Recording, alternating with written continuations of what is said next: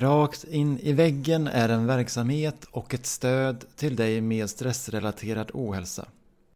I de här avsnitten som vi kallar för samtalspodd kan du lyssna på berikande samtal mellan en programledare från verksamheten och gäster som har erfarenhet eller kunskap inom stressrelaterad ohälsa.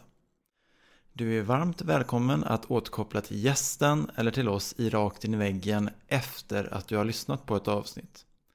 Vi hoppas att du får en givande lyssning och tack för att du lyssnar. Varmt välkomna tillbaka till eh, Samtalspodden med Giorgio Grossi. Det här är del två av två och eh, ja, jag säger hej till Giorgio. Hej Alexander! Hej! Tack för att jag fick komma tillbaka. Kul att ha dig här igen. Då går vi vidare i eh, i, ehm, i intervjun och eh, som jag sa i slutet på förra eh, i del 1 av 2 så ska vi gå vidare och så ska, så ska jag gå vidare och ställa lite frågor kring din bok som då heter Gå vidare efter utmattning. Eh, och du i, i del 1, i, i, slutet på del 1 så, så berättar du lite om stress du berättar bland annat lite om vad stress är för något, vad som händer i kroppen vid stress, hur hjärnan påverkas av stress och när vi blir stressade. Ehm, och det som jag ehm, tänkte fråga dig om nu det är lite om utmattningssyndrom. Så vad är utmattningssyndrom för något och när vet man, eller hur vet man att man har det? Vilka mm. tester kan man göra och vart finns dessa i så fall? Mm. Ja, eh, när det gäller det sista, om vi börjar eh, bakvägen, så några objektiva tester för att fastslå att någon lider av ett utmattningssyndrom, det finns inte. Utan vad man får göra det är att, få, det är att man lyssnar på individens berättelse om hur symptomen har utvecklats över tid och sen så får man ta tester för att utesluta misstankar om andra sjukdomstillstånd, psykiatriska och eller kroppsliga, som kan orsaka symptom som eh, liknar utmattningssyndrom. Så det är en uteslutningsmetod man får använda sig av kopplat då till att man analyserar berättelsen just. Men vad är det ett utmattningssyndrom? Ja, det är ju då som namnet antyder ett tillstånd av djup, djup utmattning, stor trötthet som inte går att vila bort och som eh, påverkar dels de mentala förmågorna så det finns en stor mental trötthet vilket då yttrar sig i problem med minne, med koncentration, man går vilse, man glömmer saker, man tappar tråden mitt i ett samtal, man tappar ord, eh, glömmer bort datum och, och, möten och saker och så vidare. Så, och, och, så finns det eh, aspekter som, som många drabbade beskriver i termer av som en, en mental dimma, att man är trög i huvudet helt enkelt. Vilket kan göra det väldigt svårt att fungera i sin vardag. Va? Tröttheten är också ofta fysisk så att man har svårare att orka med fysiska utmaningar på samma sätt som förr. Träna, gå längre sträckor, göra saker eh, som förutsätter då en fysisk aktivitet. Och så blir man i regel också väldigt trött känslomässigt.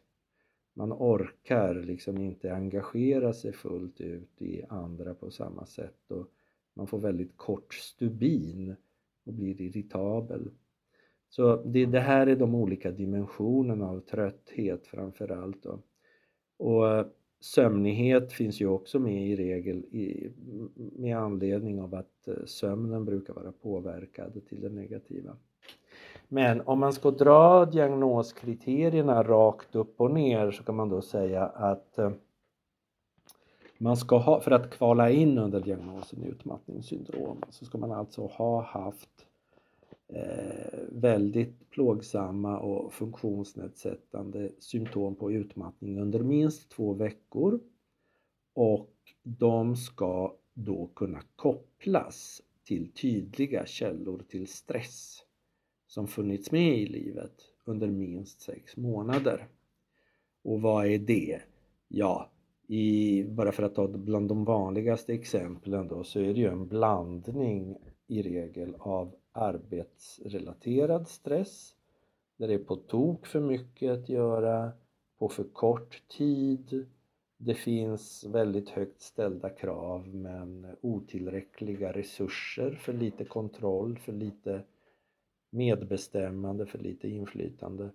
Ofta finns det också en luddighet, en otydlighet kring vad som ska göras, när och på vilket sätt. Och eh, bristande stöd från ledning, från chefer och så. Va? Eh, och det kan ofta då kombineras med privat stress Ofta handlar det om att man har barn med särskilda behov som behöver mycket stöd och så kanske det finns en konflikt med partnern om man nu har en sådan kring hur de här barnen med särskilda behov ska hanteras. Det kanske finns äldre släktingar som är sjuka och i behov av hjälp och eh, vad vet jag, en mängd olika sådana här faktorer som alla tillsammans då tenderar att eh, överhopa en person under en, ofta en period eh, där allting händer nästan samtidigt. Va? Och det är då som den första fasen i utmattningen påbörjas. Eh, och det kallar vi då för riskfasen. Då är man ännu inte sjuk, men alla de här stressorerna är på plats och det som händer är att individen som sen går in i väggen börjar kämpa hårdare för att hantera alla krav. Okay? Och i och med att man kämpar hårdare, anstränger sig mera, så börjar man också bortprioritera annat, det vill säga det som är ens återhämtning. Vila, hobby, vänner, träning, allt det där som gör att man får påfyllnad, det prioriteras bort. Så den här riskfasen, där ser vi då den här typen av omprioriteringar i livet och att alla symptom som sen blir själva utmattningssyndromet börjar komma smygande. Och där har vi då, som jag nämnt, de här olika typerna av trötthet. Man blir glömsk, man blir virrig, man blir irritabel, man känner sig eh, kanske labil, har lätt till tårar, Eh, sömnen blir påverkad som sagt. Ett vanligt mönster är att man har med sig problemen in i sovrummet och när man sen ska sova så kan det hända att man somnar okej. Okay. Men sen så vaknar man efter en stund och så går tankarna som genom en torktumlare. Va? Och med sömnen som med allt annat så är det ju som så att en gång är ingen gång. Alla sover vi dåligt då och då.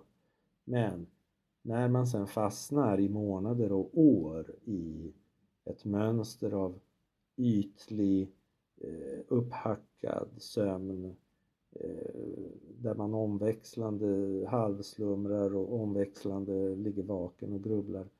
Det är klart att det leder ju då till ett slitage på kroppen på grund av att sömnen är, ju är den tid, den eh, process som sker nattetid då vi reparerar kroppen som mest. Va? Så om den reparationen uteblir så är det klart att vi drabbas av slitage som vi pratade om i förra avsnittet av podden. Och vi blir tröttare, vi blir än mer griniga, vi blir än mer virriga. Så kanske vi också utvecklar en mängd eh, kroppsliga symptom som är vanliga vid utmattningssyndrom. Ofta så handlar det om de kroppsliga eh, yttringarna av ångest eh, i form av hjärtklappning, svårt att andas, snabb ytlig andning, problem med magen av alla dess slag, värk, spändighet i nacke och axlar, man biter ihop käkarna, ont i huvudet. Man brukar kunna få synrubbningar också eh, och känna sig skakig, darrig. Eh, hand i hand med det så brukar vi också få en minskning av eh, effektiviteten i de här eh, filtreringsmekanismerna som främre hjärnbarken ska stå för. Vi pratade om förra gången, vad är det som händer i hjärnan? Filtret fungerar inte lika bra. Så man blir ju väldigt ljudkänslig till exempel och känslig för intryck i största allmänhet. Så allt det här växer till sig och blir kraftigare och kraftigare under den här riskfasen. Och förutom att man får fler och fler symptom och blir tröttare och tröttare och kämpar hårdare och hårdare så blir ju symptomen i sig en källa till stress. Okay? Om man är väldigt glömsk och trött så kanske man är tvungen att skriva ännu mera listor än vad som är brukligt. Och kom ihåg-lappar och man är tvungen att kolla och dubbelkolla att det har blivit rätt. Och sen begår man misstag och så får man göra om och göra rätt och så kanske man blir arg på sig själv. Så allt det här innebär ju då att själva symptomen blir till en källa till stress så blir man eh, tvungen att kämpa med dem också. Va? Men man driver sig själv vidare tills man sen brakar in i väggen mer eller mindre dramatiskt. Det kommer i alla fall en punkt då den här riskfasen utvecklas till en akut fas. Och det är då vi når vår lägsta punkt energimässigt. Då är vi ju utslagna under en period. Va? För vissa så sker den här ingången i väggen väldigt dramatiskt. Att man eh, vaknar upp någonstans och inte har en susning om var man befinner sig eller hur man hamnade där eller vart man var på väg. Och för andra så kanske det inte är lika dramatiskt men det är ändå tydligt att det går inte att driva sig själv längre. Så det är som att hjärnan har dragit i nödbromsen på något sätt. För att viljan kanske fortfarande finns där men nu ställer inte kroppen upp. Vilket kan ses som en bra sak också för att om vi får fritt utrymme till att driva oss själva ännu vidare så kanske det inte bara är väggen som väntar. Va? Men i den akuta fasen som varar några veckor till några månader så är man som sagt väldigt, väldigt energilös. Och det man behöver göra det är att gå till doktorn och berätta om vad som har hänt det senaste året, de senaste åren. Hur har livet sett ut? Vad är det för källor till stress som har funnits? Hur har du hanterat dem? Hur mår du idag? Och försök inte att eh, visa, sig, visa dig från din bästa sida. Det är någonting som är dessvärre vanligt förekommande att när man går till doktorn, även om man har utmattningssyndrom, så ska man visa sig från sin bästa sida. Och eh, sen går man hem och kraschar. Och doktorn ser dig när du sitter där och visar dig från din bästa sida. Hen ser ju inte kraschen. Va? Och då kanske man får, eh, om det vill sig illa, en smått nedlåtande kommentar som man kan tycka själv kanske inte är avsett men ofta har vi ju ömma tår när vi känner oss nedsatta. Va? Om någon säger ja men det här som du lider av det är ju livets eh, vanliga utmaningar. Det är ju ingenting som du ska söka till doktorn för. Va? Gå hem och, och tänk positivt så ska du se att det löser sig. Och så går man hem och får ett sammanbrott istället. Men gå till doktorn behöver man och inte minst då för att doktorn behöver ställa en diagnos och för att kunna göra det så måste den då inte bara intervjua utan dra blod, göra tester för att utesluta då, som jag sa, misstankar om annat. Och det där annat, det kan ju vara en, ett antal psykiatriska diagnoser. Det kan också vara kroppsliga diagnoser som multipel skleros, det som heter MS. Va? Det kan vara nydebuterad diabetes typ 2, det kan vara hjärt-kärlsjukdom, det kan vara borrelia, det kan vara sköldkörtelshormons underproduktion.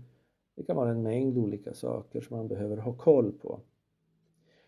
Och det tar ju tid, det är en process innan den här diagnosen ställs. Då. Eh, någonting som är bra det är ju då att eh, läkaren också involverar arbetsgivare, gör en kartläggning liksom, hur, hur ser livet ut runt omkring just nu och det är bra att ha en dialog med arbetsgivare så att man ska kunna möjliggöra anpassningar, prioriteringar och liknande så att det ska bli möjligt att komma tillbaka på ett hållbart sätt. Men i regel så där och då så är man inte kanske så pass energisk att man orkar gå på en behandling, rehabilitering som, är, som kräver att man åker hemifrån flera gånger i veckan kanske och träffar folk och så. Eh, men vad man behöver i alla fall, det är, även om man blir sjukskriven då, vilket man oftast blir, så behöver man ett innehåll i sin sjukskrivning. Många gånger, så får, många gånger så får man ju det vällovliga rådet att gå hem och vila, gör ingenting eller gör bara sånt du mår bra av. Och det där är alldeles för diffust. Så man behöver ju på något sätt ett innehåll, man behöver ha någon återkommande kontakt med, om det är doktorn själv eller en kurator, psykolog eller annan som hjälper till med att ha ett minimum av struktur så att man äter på bestämda tider, värnar om sömnen, kommer ut en stund varje dag. Jag får men vi nämnde det här lite grann förra gången. Men till saken hör då att det, det, är det här väldigt grundläggande omhändertagandet som behövs i, i början här under den akuta fasen. Och också ha någon som tröstar och stöttar och inger hopp. Det här är jättebesvärligt och det kommer att bli bättre med tiden. Någonting som man får hantera här det är också de här frågorna som dyker upp eh, hos en.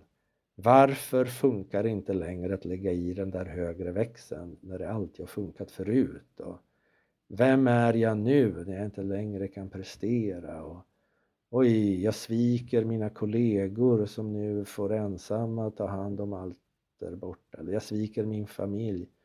de där grubblerierna, de eh, är förväntade. Alla i princip har dem. Men man behöver också se dem för vad det är. Va? Det är grubblerier i en stund där man känner sig väldigt låg. Så man ska betrakta dem som vilket annat symptom som helst. Det är där men grotta inte för mycket i det utan låt det passera som molnen på himlen. Det som händer sen det är att man kommer in i det man kallar för återhämtningsfasen. Och det är ju som en backe där orken går upp och ner och i bästa fall så är mönstret att det går upp och ner och långsamt framåt. Vilket också är en bra replik att ha med sig. För många med utmattningssyndrom, som du säkerligen vet och lyssnarna vet, tycker, det är, tycker ju inte att de där frågorna om hur det går och hur är det och hur mår och du ser ju så pigg ut och har du börjat jobba igen. De, de är inte alltid så välkomna. Man kan ju svara kort på frågan hur går det? Ja, det går upp och ner och långsamt framåt. Tack, hur mår du själv? Om man tycker att det är för jobbigt att prata om det. Men det är så det är och eh, jag tror också vi nämnde förra gången att när man är i den här återhämtningsfasen så kan det vara så att det eh, finns nya krafter som träder in i bilden som sen fungerar som en vidmakthållande faktor eller olika vidmakthållande faktorer vid utmattning. Vilket då gör att utmattningen så att säga lever sitt eget liv. Okej, okay, och där finns ju några stycken. Va? Ta det här med att eh, man är sjukskriven och då åtminstone temporärt utlyft från jobbkraven. Och då skulle man kunna tänka, ja men vad fint, då får man ju en möjlighet att slappna av lite grann och återhämta sig från jobbet i alla fall en tid. Men så är det ju som att jobbet lever vidare upp i huvudet. Eller hur? Så man har sina ältanden, grubblerier och det behöver inte bara vara jobbet man ältar och grubblar. Det kan vara en mängd olika saker man grubblar kring. Saker som varit, saker som man tänker komma skall kanske. Hur blir det sen? Hur blir det när jag ska jobba? Etc. Så ältande, grubblerier, oro för framtiden och självkritik också. Det här med att hålla på och kritisera sig själv hårt för sina tillkortakommanden. Det hör då till vidmakthållande faktorerna som vi kallar det. När vi går in i det där tänkandet då är det som att vi skapar stress i oss och det gör i sin tur svårt att slappna av och återhämta sig när man är hemma sjukskriven och ska återhämta sig. Så där har du en delförklaring eller ett delsvar till frågan varför är jag så trött när jag går hemma och gör ingenting? Ett delsvar det är att man håller på och övertänker. Eh, det är ungefär som att man tänker sig tiden, att det skulle finnas lite fönster så man kan öppna tidsfönster. Ibland kan man stänga tidsfönstret till bara här och nu, det här ögonblicket nu. Men ibland kan man öppna det bakåt och grubbla över igår, i förrgår, förra månaden, hela livet. Varför sa jag så? Varför gjorde jag si? Varför gjorde jag inte så där? Och så kan man oroa sig framåt. Eh, då har man öppnat tidsfönstret framåt. Va? Så när vi ältar grubblar då kan man se det som att vi har verkligen slagit upp tidsfönstren på vid gavel och vi försöker hantera all dåtid och all framtid i ett svep. Det är undra på att man blir uppvarvad och supertrött. Va? Så då är det bra att stänga tidsfönstret här och nu, den här dagen, den här minuten, den här sekunden. Vad kan jag göra nu som är konstruktivt? Om det nu finns något. Eh, vidmakthållande faktorer för utmattning kan ju vara flera förstås. Eh, vi har ju en klassiker som kallas för, kallas för boom and bust fenomenet. Eller push and crash som det också kallas. Och det är ju det här med att man under sina bättre dagar känner sig piggare, känner sig gladare, får lust att göra saker och så drar man igång en massa projekt som om man hade fullt batteri. Men det har man inte. Man kanske har 20% i batteriet men man drar igång och gör saker. Och sen så kraschar man och då har man noll ladd i batteriet. Och så blir man väldigt besviken, ältar, grubblar, gör ingenting och blir frustrerad så småningom över att ingenting blir gjort och så sen när man känns lite piggare då är man på det igen. Va? Och det här är en cirkel av att göra för mycket, göra för lite, göra för mycket, göra för lite som eh, vidmakthåller utmattningen i allra högsta grad. Man kommer ju aldrig riktigt upp i nivå för man gör ju slut på all ork man har. Så det här är en del av syndromet som man verkligen behöver komma åt och det är ju inte någonting som uteslutande finns vid utmattningssyndrom utan alla typer av svår trötthet, så att säga, kroniskt trötthetssyndrom men också olika smärttillstånd som fibromyalgi till exempel så ser man att de här skarpa pendlingarna mellan överaktivitet och underaktivitet är eh, bland de faktorer som vidmakthåller det hela. Vilket också för oss till det här ämnet acceptans. Att liksom förlika sig med verkligheten. Nu är det faktiskt så att jag är utmattad. Komma till den insikten och inte bara intellektuellt utan ända in i hjärtat så att säga. Va? konstaterade att, och att jag faktiskt behöver lägga om min livsstil. Okej okay, att jag innan jag gick in i väggen så kunde jag kanske umgås med mina vänner fem timmar i sträck och vi kunde vara på restaurang där det var mycket folk och livat och glatt och tjo och tjim. Men nu klarar jag en halvtimme på ett stillsamt café. Det är vad jag klarar. Då får man förlika sig med det på något sätt. Va? Det är så det är. Vad, vad, ska man göra? Det är vad det är. Och försöka göra det bästa utifrån det. Eh, man behöver inte älska det. Det är ingen som avkräver det, va? men ändå agera utifrån de förutsättningar som är just nu. Och imorgon vet vi inte, nästa vecka vet vi inte, men vi vet i alla fall just nu att det är på ett visst sätt och då behöver vi anpassa oss därefter. Va? Ja, bristande acceptans, det är ju en sån här grundfaktor då som kan vidmakthålla. Och det där är ju också en process, jag menar när vi hamnar i en livskris så det är inte så att vi kan acceptera förändrade livsvillkor över en kaffekvart. Det, det vill till en period av kris när hela tillvaron ställs på ända innan man kan landa och hitta nya vägar framåt i livet. Va? Eller väg att gå vidare efter utmattningen. Det är ett arbete, det är en process. Och någonting som jag brukar tjata mig eh, tjata mina patienter trött om det är ju det här med förhållningssättet till alltihopa. Håller man på och talar om för sig själv att eh, alla bakslag är tecken på att man är svag, dålig, lat, misslyckad och så vidare, då blir det ju så mycket mer smärtsamt att hantera. Än om man talar om för sig själv att det, det där med att göra på tok för mycket nu i helgen när solen sken och jag fick feeling, det var nog inte det smartaste. Nu med facit i hand. Men nu har jag lärt mig det och nästa gång en liknande situation dyker upp, då vet jag att jag behöver säga nej till vissa saker och korta ner vissa besök och eh, pausa mera, och ta tid för mig själv eller vad det nu är. Så knepet här det är att tänka som så att allting är erfarenhet och bakslag, alltså när man dippar i sin trötthet kanske på grund av aktivitetsbaksmälla, att man har gjort för mycket eller om att man har varit med om någonting känslomässigt upprivande eller vad det nu kan vara. Allt är lärdomar.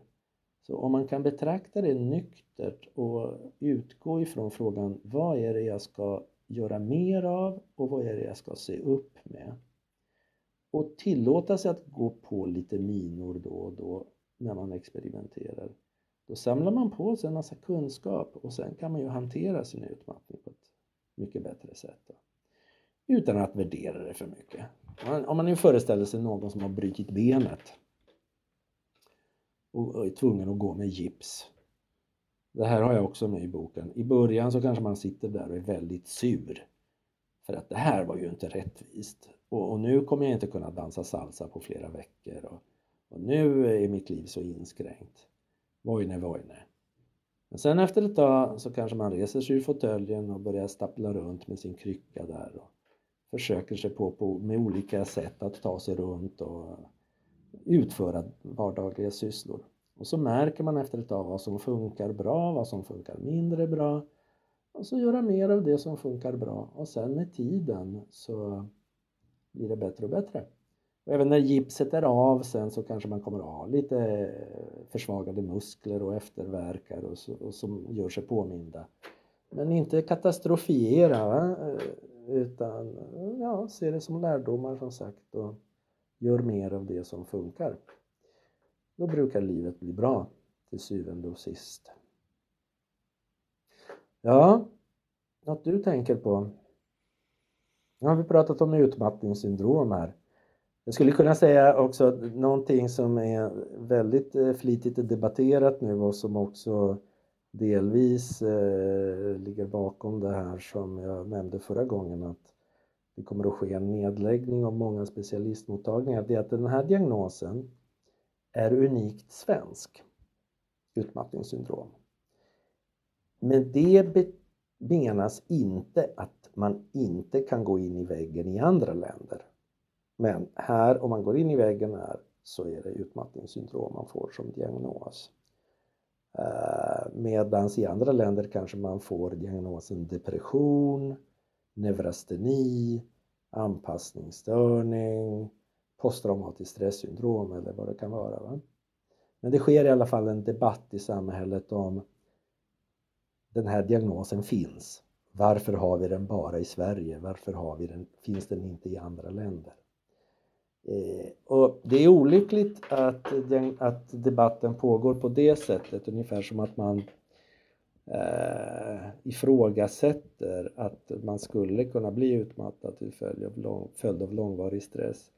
Inte bara för att möjligheterna till behandling kan minska då om kliniker stängs ner, utan det är ju så att det här med skuld och skam det är ju rikligt förekommande bland eh, människor som drabbas av utmattning. Det är många som skäms redan och som eh, under bra dagar ifrågasätter sig själva. Eh, är jag verkligen sjuk? Vissa bättre dagar kan man ju till och med känna igen sig själv så pass mycket så det känns nästan som man är frisk så att säga. Och så kommer tanken, tänk om jag bara har inbillat mig alltihopa. Sen dagen efter när man är i en svacka, då vet man ju helt tydligt att man inte har gjort det. Men att av vården sen bli bemött på det sättet där diagnosen blir ifrågasatt och ja, ja, är det inte så att du känner efter för mycket egentligen? Det är ju ingenting som eh, boostar upp möjligheterna till självläkning så att säga. Med min ehm, upplevelse, för jag, jag har fått höra från en person från England tror jag någon gång som just har pratat om det där. Och det var i en, ehm, det var i en annan kontext där inte, som inte handlar om utmattning. Men det ämnet dök upp från en svensk deltagare. Eh, och då sa han det att eh, utmattningssyndrom, just ehm, den diagnosen, den finns inte i England på samma sätt som den finns i Sverige. Ehm, och då tänkte jag, det gav mig en liten reflektion i efterhand.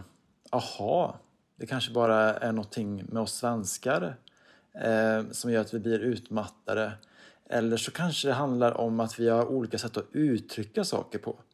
Att de kanske mm, eh, för in eh, olika typer av symptom i en annan diagnos som heter något annat i England. Och sen så kanske inte det är England det handlar om utan det kanske eh, alltså Ja, så jag, kan verkligen, jag kan verkligen se det eh, i min egen erfarenhet att, att jag, jag också noterat just det där. Men sen på senare tid så, så har jag märkt på sociala medier, bland annat på Instagram, att de har börjat, de har börjat att använda uttrycket burnout syndrom mer runt om i världen på ett, på ett sätt som jag inte har upplevt tidigare. Har, har du upplevt något liknande? Att de, det som jag precis nämnde i slutet där? Ja, det här med burnout, absolut. Um, visst är det så och eh, även om burnout som sådant egentligen inte är en etablerad diagnos i de här manualerna som doktorerna har så eh, är det ett eh, arbetsnamn som används eh, internationellt.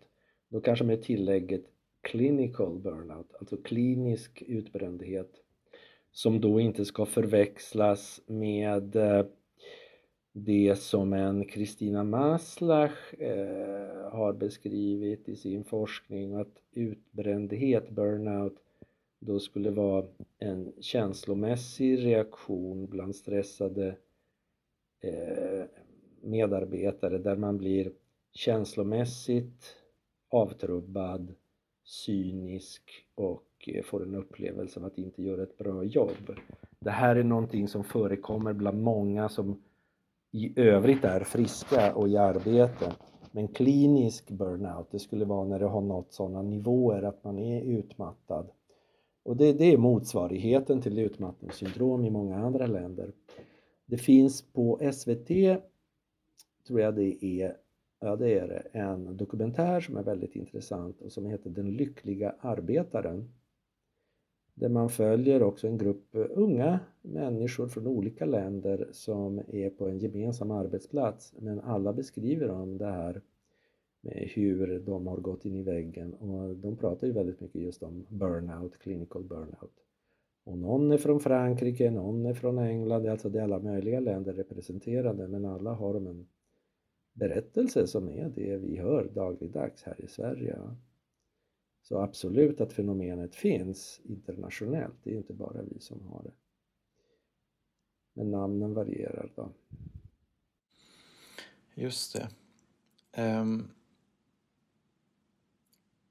du nämnde förut, du pratade lite om att det finns ehm, um, differ, differ, differentialsjukdomar. Och Ehm, att det finns då sjukdomar som kan förväxlas med utmattning. Eh, kort och gott. vilka, vilka sjukdomar är vanligast att man förväxlar med utmattningssyndrom? Ja, alltså om man ska prata kroppsliga sjukdomar då det, kan det vara då MS som sagt. Det kan vara borrelia infektion, det kan vara Eh, hjärt-kärlsjukdom, det kan vara diabetes. Vanligt är det med underproduktion av sköldkörtelhormon. Men det kan också vara vitaminbrist och lite annat smått och gott.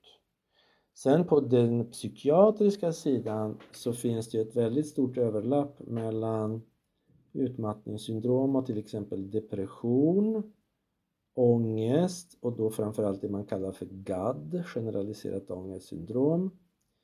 Eh, men också posttraumatiskt stresssyndrom och sen så har vi eh, neuropsykiatriska funktionsnedsättningar då, som ADHD, ADD, autismspektrumstörning. Eh, och sen har vi ju det här fenomenet med samsjuklighet, det vill säga när två tillstånd finns samtidigt hos en och samma individ. Men om vi tar det där med depression det är ju en eh, stor grupp sjukdomar som eh, går ut på att eh, stämningsläget är förändrat. Antingen neråt till att man är väldigt deppig, låg och tycker ingenting är roligt och man är ledsen.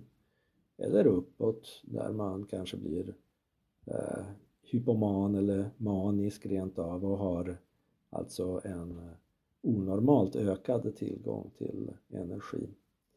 Det som är vanligt vid utmattningssyndrom det är att man har eh, samtidigt som utmattningen också en depression, åtminstone under en period och eh, kanske inte jättedjup men mild till måttlig. De stora skillnaderna, om man säger så här, mellan det man kallar då för en egentlig depressionsepisod och utmattningssyndrom det är ju att, om man nu verkligen hårdrar det, det som är kännetecknande för utmattningssyndrom det är att man är trött. Urbota trött, som jag sa tidigare, mentalt, känslomässigt, fysiskt. Och det är en trötthet som inte går att vila bort. Okay? Uh, eh, sen så kan man ju vara glömsk och man kan vara virrig och, och så vidare. Men det som är kontentan, det är tröttheten. I en depression så kan man också vara glömsk och trött och sova, sömnen är påverkad och så vidare. Men det som är alltså kardinalsymptom det är ju att man är ledsen och saknar intresse för sånt som man uppskattar i vanliga fall. Och det är ju väldigt många utmattade som säger att nej men ledsen är jag inte på det sättet och jag vill inte ta livet av mig. Jag tycker att det är jättemycket som är väldigt roligt. Men jag orkar inte för jag har ingen kraft. Right, så det är de huvudsakliga skillnaderna. Sen så som sagt, de kan ju samexistera. Och många gånger så är ju då depressionen, att man blir ledsen och låg och nedstämd, det är ju en konsekvens av utmattningen så att säga. Man blir ledsen för att man har tappat funktionsförmåga, man är ledsen för att man många gånger uppfattar det som att man har tappat sin identitet. Man blir definitivt ledsen om man blir eh, behandlad med misstänksamhet. Säg nu inom familjen, släkten eller genom eh, vården, Försäkringskassan etc. Eh, om man är en person som alltid har velat göra sitt yttersta, göra rätt för sig etc. varit eh, driven och ansvarstagande mer än de flesta och plötsligt hamnar i en sån position där man blir ifrågasatt och känner sig kritiserad och det, det, det håller på så länge också. Jag menar, utmattningssyndrom är ju som bekant långdraget. Så kan man ju deppa ihop för mindre om man säger så. Va? Eh, men annars kan det också vara så att deppigheten släpper efter ett tag och så är det den rena utmattningen man har att ta hand om, vilket är mera gynnsamt. Ångest, det här med GAD, eh, generaliserat ångestsyndrom, det är ju vanligt förekommande dels som en riskfaktor för att gå in i väggen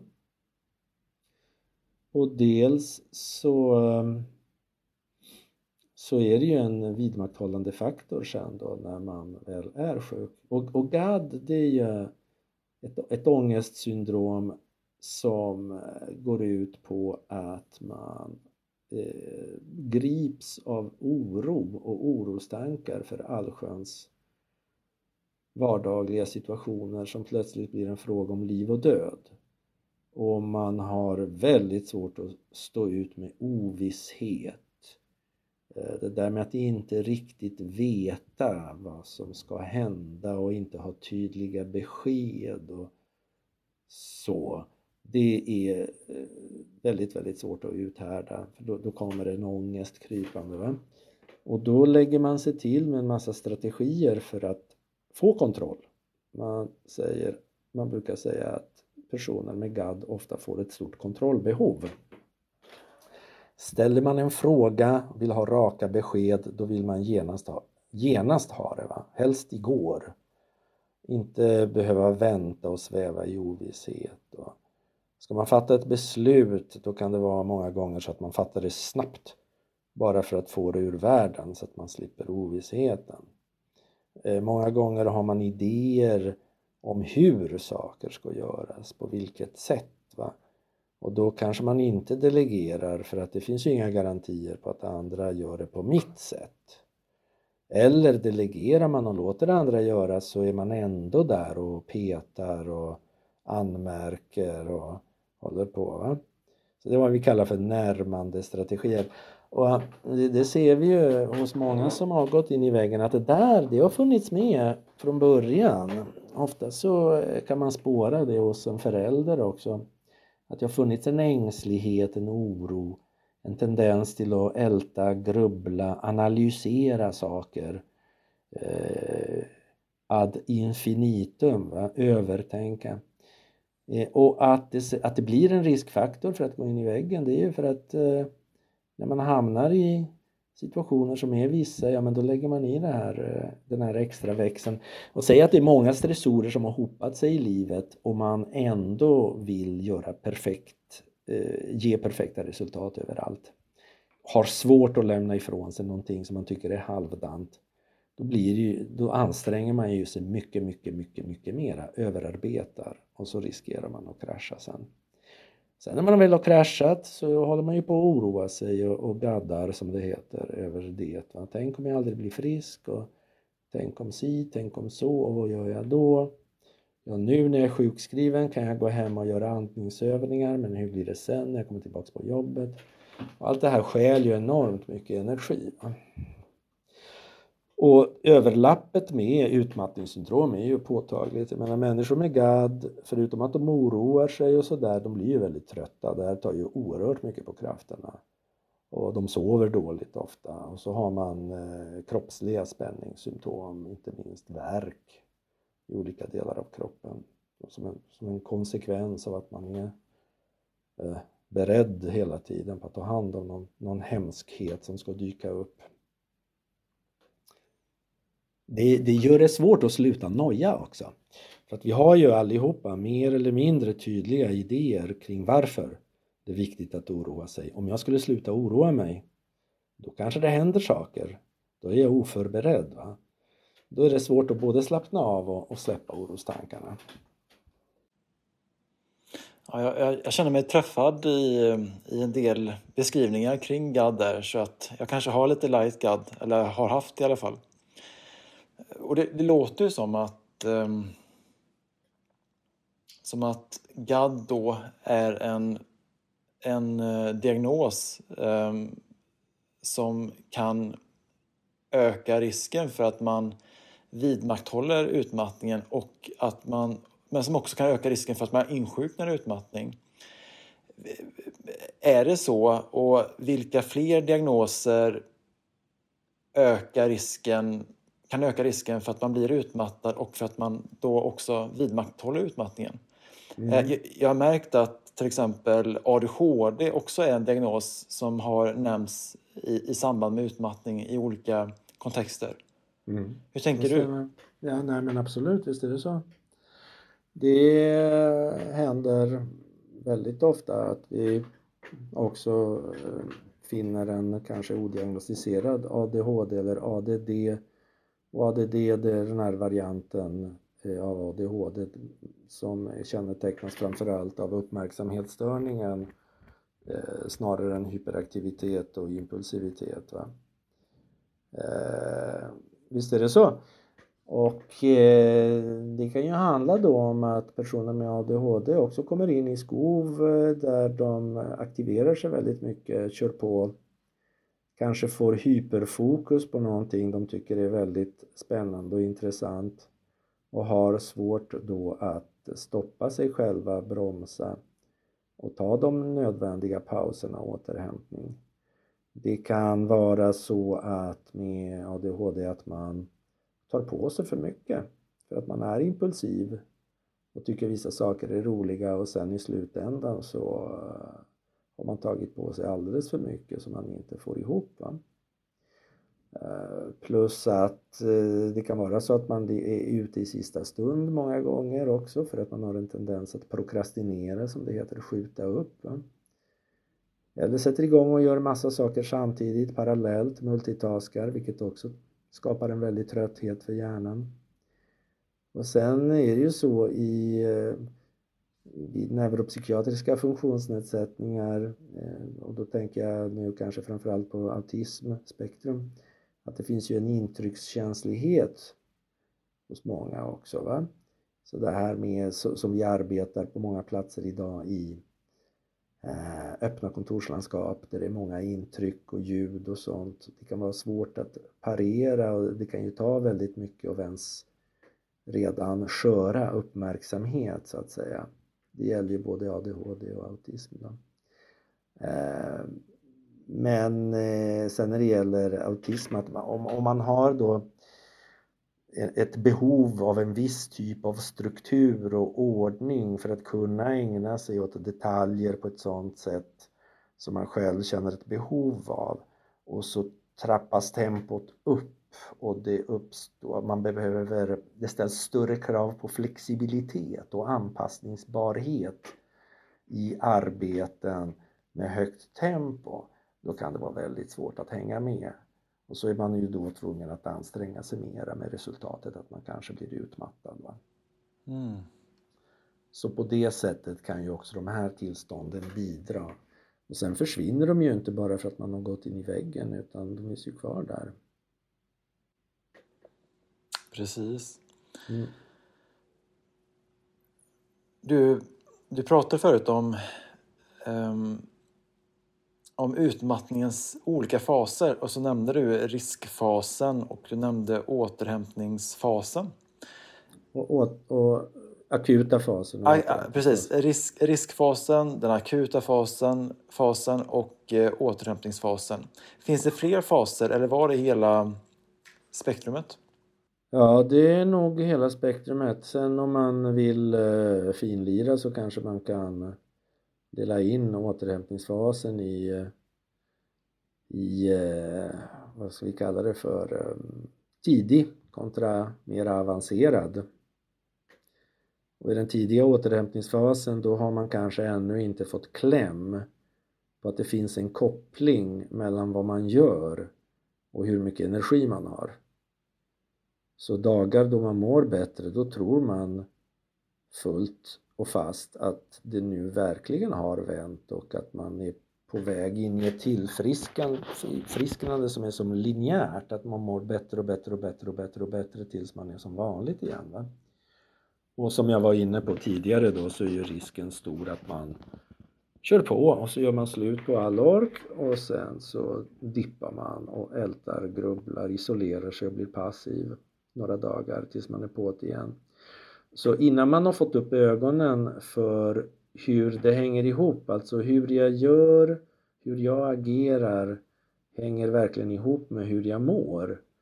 Då, innan den poletten har trillat ner så är ju utmattningen obegriplig. Man kan inte förstå det för sig själv och än mindre förklara det för andra.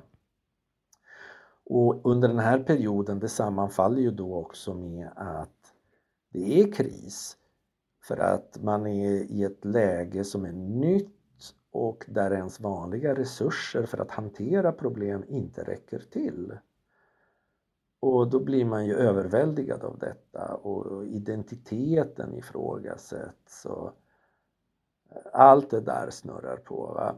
Sen i den mer avancerade fasen så Ja, för en del så, så finns ju de här initiala svårigheterna kvar. Det finns ju de som många, många, många år efter den första kraschen har svårt att förlika sig med tanken på att de faktiskt har kraschat och, och vill inte kännas vid det.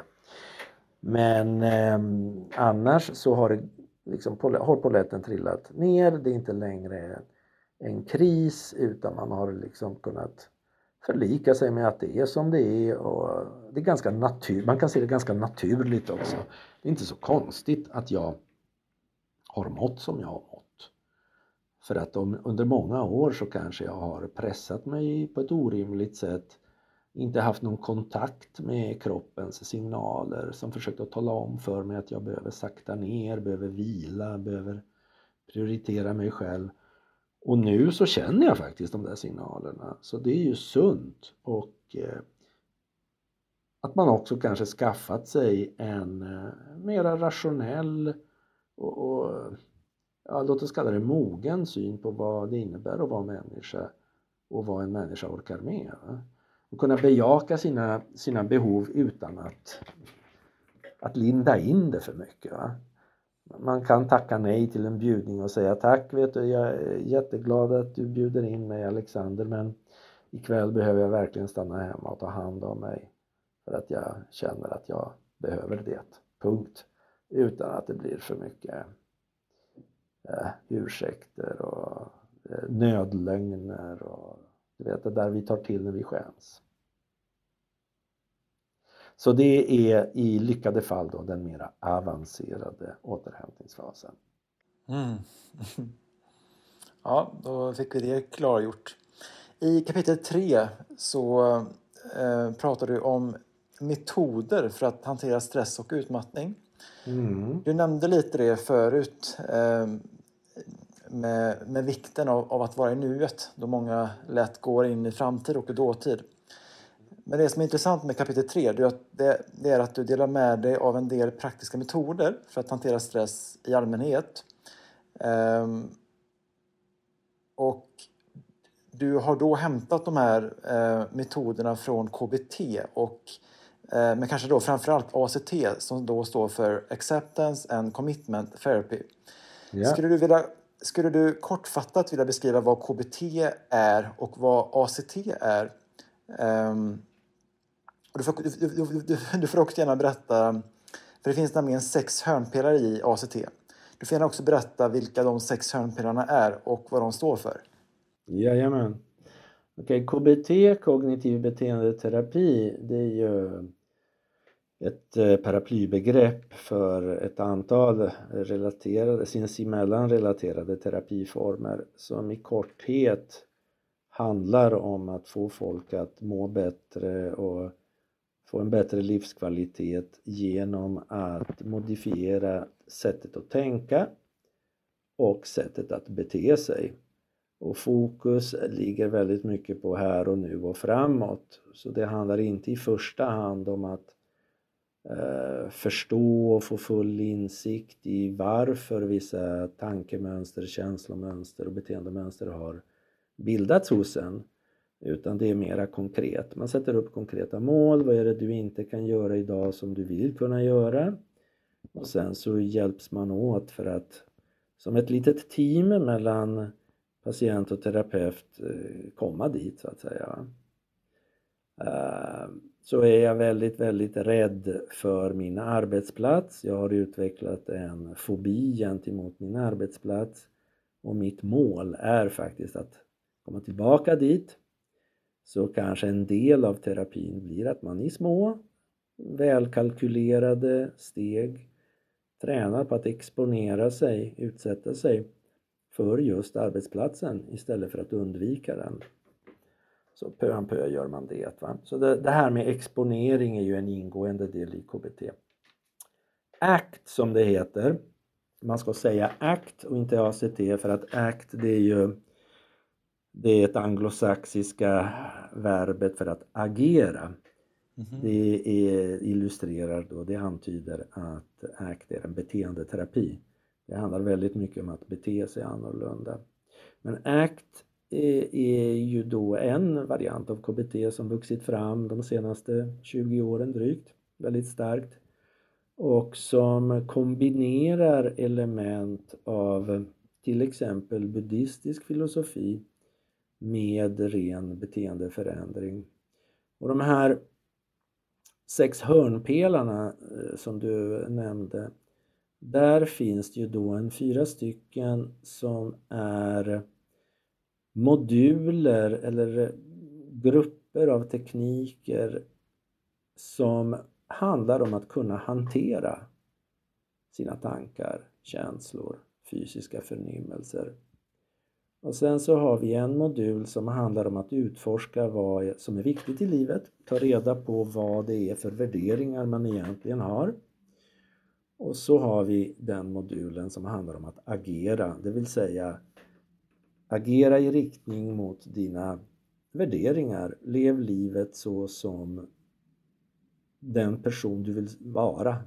Stå för det du står i handling. Och du behöver inte må bra för att kunna göra det. Utan det handlar om att staka ut vägen och sen ta små myrsteg konsekvent för att komma dit. Eh, men om vi skulle kika på de här sex eh, olika hörnpelarna då, så har vi en som heter kontakt med nuet. Och det är det där som du var inne på Alexander, om att vara här och nu. Och som vi pratade om tidigare med de här tidsfönstren. Eh, att ofta så är vi inte alls här och nu utan vi är i någon form av eh, mer eller mindre uppdiktad framtid där vi försöker förutse och parera olika katastrofer eller så grubblar vi över saker som varit eller så hackar vi på oss själva. Och nu är det så att det, finns ju inget fel i att tänka framåt eller tänka bakåt. Eh, det behöver vi ibland. Men ibland så är det ju bara en belastning. Så det gäller ju att kunna ha en sinnesnärvaro, liksom en eh, medvetenhet om när det är läge för att göra vad. Om jag sitter med min arbetsterapeut och planerar in ett möte med min chef framöver så att jag ska kunna komma tillbaka till mitt jobb på ett konstruktivt sätt och inte som jag gjorde förra gången jag kraschade, det vill säga jag tog på mig för mycket från dag ett. Ja, där har vi ett konstruktivt arbete med tidsfönstren. Va? Men säg att jag har gjort det här och sen är jag hemma på min kammare och ändå så fortsätter jag grottar hur kommer det att bli? Hur kommer det att bli? Hur kommer det att bli? Där och då så fyller det inte längre en funktion och då är det bättre att stänga tidsfönstret till här och nu. Så det här med att kunna vara närvarande i nuet, det hjälper mig också då att eh, Ja, förutom att det boostar upp minne och uppmärksamhet, det är ju ren uppmärksamhetsträning, så handlar det också om att kunna eh, låta bli att läcka alldeles för mycket energi genom att älta grubbla och oroa mig. Och det tillåter mig att fatta klokare beslut kanske också. Va? Det gör man ju om man är sinnesnärvarande. Men det är man ju inte om man är borttappad i, i en värld av tänkande. Och för att kunna komma till här och nu så finns det olika metoder som sammanfattas under begreppet medveten närvaro som miss, väldigt många missuppfattar och tror att det ska vara någon slags avslappning. Och sen säger de, ja men medveten närvaro det funkar inte för mig för jag blir inte avslappnad. Nej, mm. men det är inte heller huvudpoängen utan huvudpoängen är att man ska bli medveten. Var är jag? Vad ser jag? Vad hör jag? Vad tänker jag? Vad känner jag? Vad, vad ska jag göra i den här situationen? Vad är det som som ligger i min värderade riktning. Vad är det jag vill, jag vill göra i den här situationen som gagnar mig långsiktigt? Så om man tänker sig så här då att vi har fem sinnen. Syn, hörsel, känsel, doft och smak. Kanske ett sjätte sinne. Så är det klokt att veta då att sinnena, de är alltid här och nu. För det jag ser nu, det ser jag nu, det ser jag inte nästa vecka eller om ett år eller förra året. Det, de ljud jag hör i stunden, det är också nuet. Det jag känner i min kropp i stunden, det är också nuet och så vidare. Så för att göra sig medveten i nuet, stänga tidsfönstret, så räcker det faktiskt med att skifta sin uppmärksamhet till det man ser, det man hör, det man känner just här och nu. Utan att värdera som fint, fult, bra, dåligt, utan väldigt, väldigt krast, objektivt. Så då stänger man tidsfönstret och kommer till här och nu. Och det här går ju hand i hand med eh, nästa modul som är acceptans. Och det handlar om att förlika sig med verkligheten som den är. Och också att vara villig att känna det man känner och tänka det man tänker medan man gör det. Okej, okay? och det finns ett värde i det, för säg nu att jag har utmattning eller ångest eller både och och känner att jag har hjärtklappning, känner att jag har ont i magen, har en stark impuls att fly och så intalar jag mig att nej, det där vill inte jag känna. Jag, ska inte, jag får inte känna så här. Jag får inte ha de här upplevelserna. Då finns ju en risk att man går in i en kamp för att inte känna det man känner. Vilket brukar leda till att, man, att det där blir mer, det växer istället. Va? Ja, en analogi det är väl om man ber någon att inte tänka på en rosa elefant eller en gul jeep. Vad är det man tänker på då? Ja, då är det ju det. Va? Och försök, ju mer man kämpar desto värre blir det så att säga. En annan analogi det är ju att man har som en stor badboll. Man står i vattnet till midjan och så har man en stor badboll som man tycker är hiskelig, som man inte vill se. Så trycker man ner den under ytan bara. Och där kan man ju stå och kämpa för att hålla den under ytan men det blir ju inte mycket plaskande eller beachparty utan all tid och ork går till att hålla undan den där hiskeliga badbollen. Men vad händer om man bara låter den vara? Låt den flyta och så får du plaska runt och kanske gå upp på den där beachpartyt och bollen får väl simma med då men utan att den får alldeles för mycket uppmärksamhet. Va? Så det är mera acceptans. Att kunna förlika sig också som jag sa tidigare med att man faktiskt har ett utmattningssyndrom istället för att förneka det. Det är ju hjälpsamt för då blir man ju motiverad att göra något åt det. Så en tredje hörnpelare det är det man kallar för diffusion. Och diffusion det är ju motsatsen till fusion. Fusion det känner många igen ifrån sammanslagningar. Va? Man slår ihop företag och liknande. Men i det här sammanhanget så är fusion människans tillstånd när vi är väldigt eh, distanslösa till våra tankar. Tänker gör vi ju konstant. Vi tänker flera tusen tankar per dag. Mycket gammal skåpmat som går på repeat. Och för det mesta så är vi inte ens medvetna om att vi tänker. Utan det blir som en slags sanning. Så vad diffusion handlar om det är att separera sig från tankarna och titta på dem lite utifrån. Ett vanligt exempel det är det här med vad vet jag, tankar av typen jag är värdelös. Det är en tanke som man kan ha ibland. Jag har den ibland och jag vågar gissa att många av våra lyssnare har den ibland också. Den, är ganska vanligt förekommande hos de flesta människor. Men om man nu testar och går in i den tanken, det här kan bli en hemuppgift till eh, lyssnarna sen efteråt. testa och se vad som händer om du sätter dig ner och går in i den tanken, tyst för dig själv och upprepar den om och om och om, och om igen. Och lägg bara märke till vad den gör med din kropp. Förmodligen så märker du efter en stund att du får tryck över bröstet, du eh, får lust att gråta, det känns tungt. För då har du alltså tänkt dig in i en stressreaktion. Då kan du konstatera det. Och sen i nästa vända så kan du testa och se vad som händer om du istället upprepar följande som ett litet mantra ett tag. Just nu märker jag att jag har en tanke som säger att jag är värdelös. Och eh, går man in i den och upprepar den 10-20 gånger så plötsligt så uppstår en effekt, nämligen distans. Man märker att tanken finns kvar men det är som ett eh, glapp mellan en själv och den. Den tar inte på samma sätt. Den är inte borta, men det finns en distans och det är det vi kallar för diffusion. Och meningen med den är inte just att bli av med oönskade tankar utan att aktivera den främre hjärnbarken så pass mycket så att man hinner fråga sig själv okej, okay, tanken finns där men är den hjälpsam? Ska jag agera på den här tanken? Är det här någonting jag ska engagera mig i? Och förmodligen så är väl en tanke av typen jag är värdelös någonting som sällan gagnar någon. Eller vad säger du Alexander? Föga va? Ja, föga. Föga. Den tär istället för att nära. Sen så finns det de tankar som är lite både och. Säg nu att du har ett utmattningssyndrom och så finns det ett tillfälle när du, vad vet jag, blir bjuden på middag så, så, så är du vansinnigt trött just den dagen.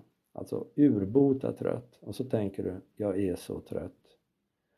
Just nu har jag en tanke som säger att jag är så trött. Är den hjälpsam? Ja, men det kanske den är, för ikväll är jag så urbota trött så jag kanske behöver tacka nej till inbjudan. Och sen när du kommer hem så ligger du bekvämt i din soffa och ska titta på en film och så fortsätter tanken att mala. Jag är så trött, jag är så trött, jag är så trött. Samma tanke, men i ett annat sammanhang så kanske den inte är så hjälpsam. Då kan man konstatera, okej okay, nu har jag den tanken där ja. Ah, ja, den får snurra på ett tag. Men nu ska jag fokusera på filmen eller på min partner eller på att gå och lägga mig eller vad det nu är. Va? Ja. Tror du lyssnarna orkar lite till? ja, men du, du har ju ändå gått igenom kapitel 5 ganska bra som då heter Förhåll dig till tankarna. Ja. Eh, och ska, om vi backar ett kapitel till kapitel 4 som då heter Att förstå och hantera känslor. Ja. Vad finns det att förstå och hur hanterar man känslor? Ja, vad finns det att förstå? Jo, det som finns att förstå det är att vi människor är utrustade med förmågan att känna ett antal känslor och det finns ju lite olika teorier om detta men för enkelhetens skull så kan vi väl säga att vi sedan urminnes tider eh, har förmågan att känna glädje med alla dess facetter. Man kan tänka sig att känslor det, de är som ett på ett kontinuum. Man kan alltså, de har lite olika volym om man säger så. Man kan vrida upp volymen och vrida ner den. Om man är lite, lite, lite, lite glad då kanske man känner det som en form av generell förnöjsamhet eller att man bara är ja, väldigt lugn och avspänd. Och sen vrider man upp volymen på glädjen till max. Då kanske man hoppar och tjoar och kimmar och studsar runt och vill krama främlingar på stan och sådär.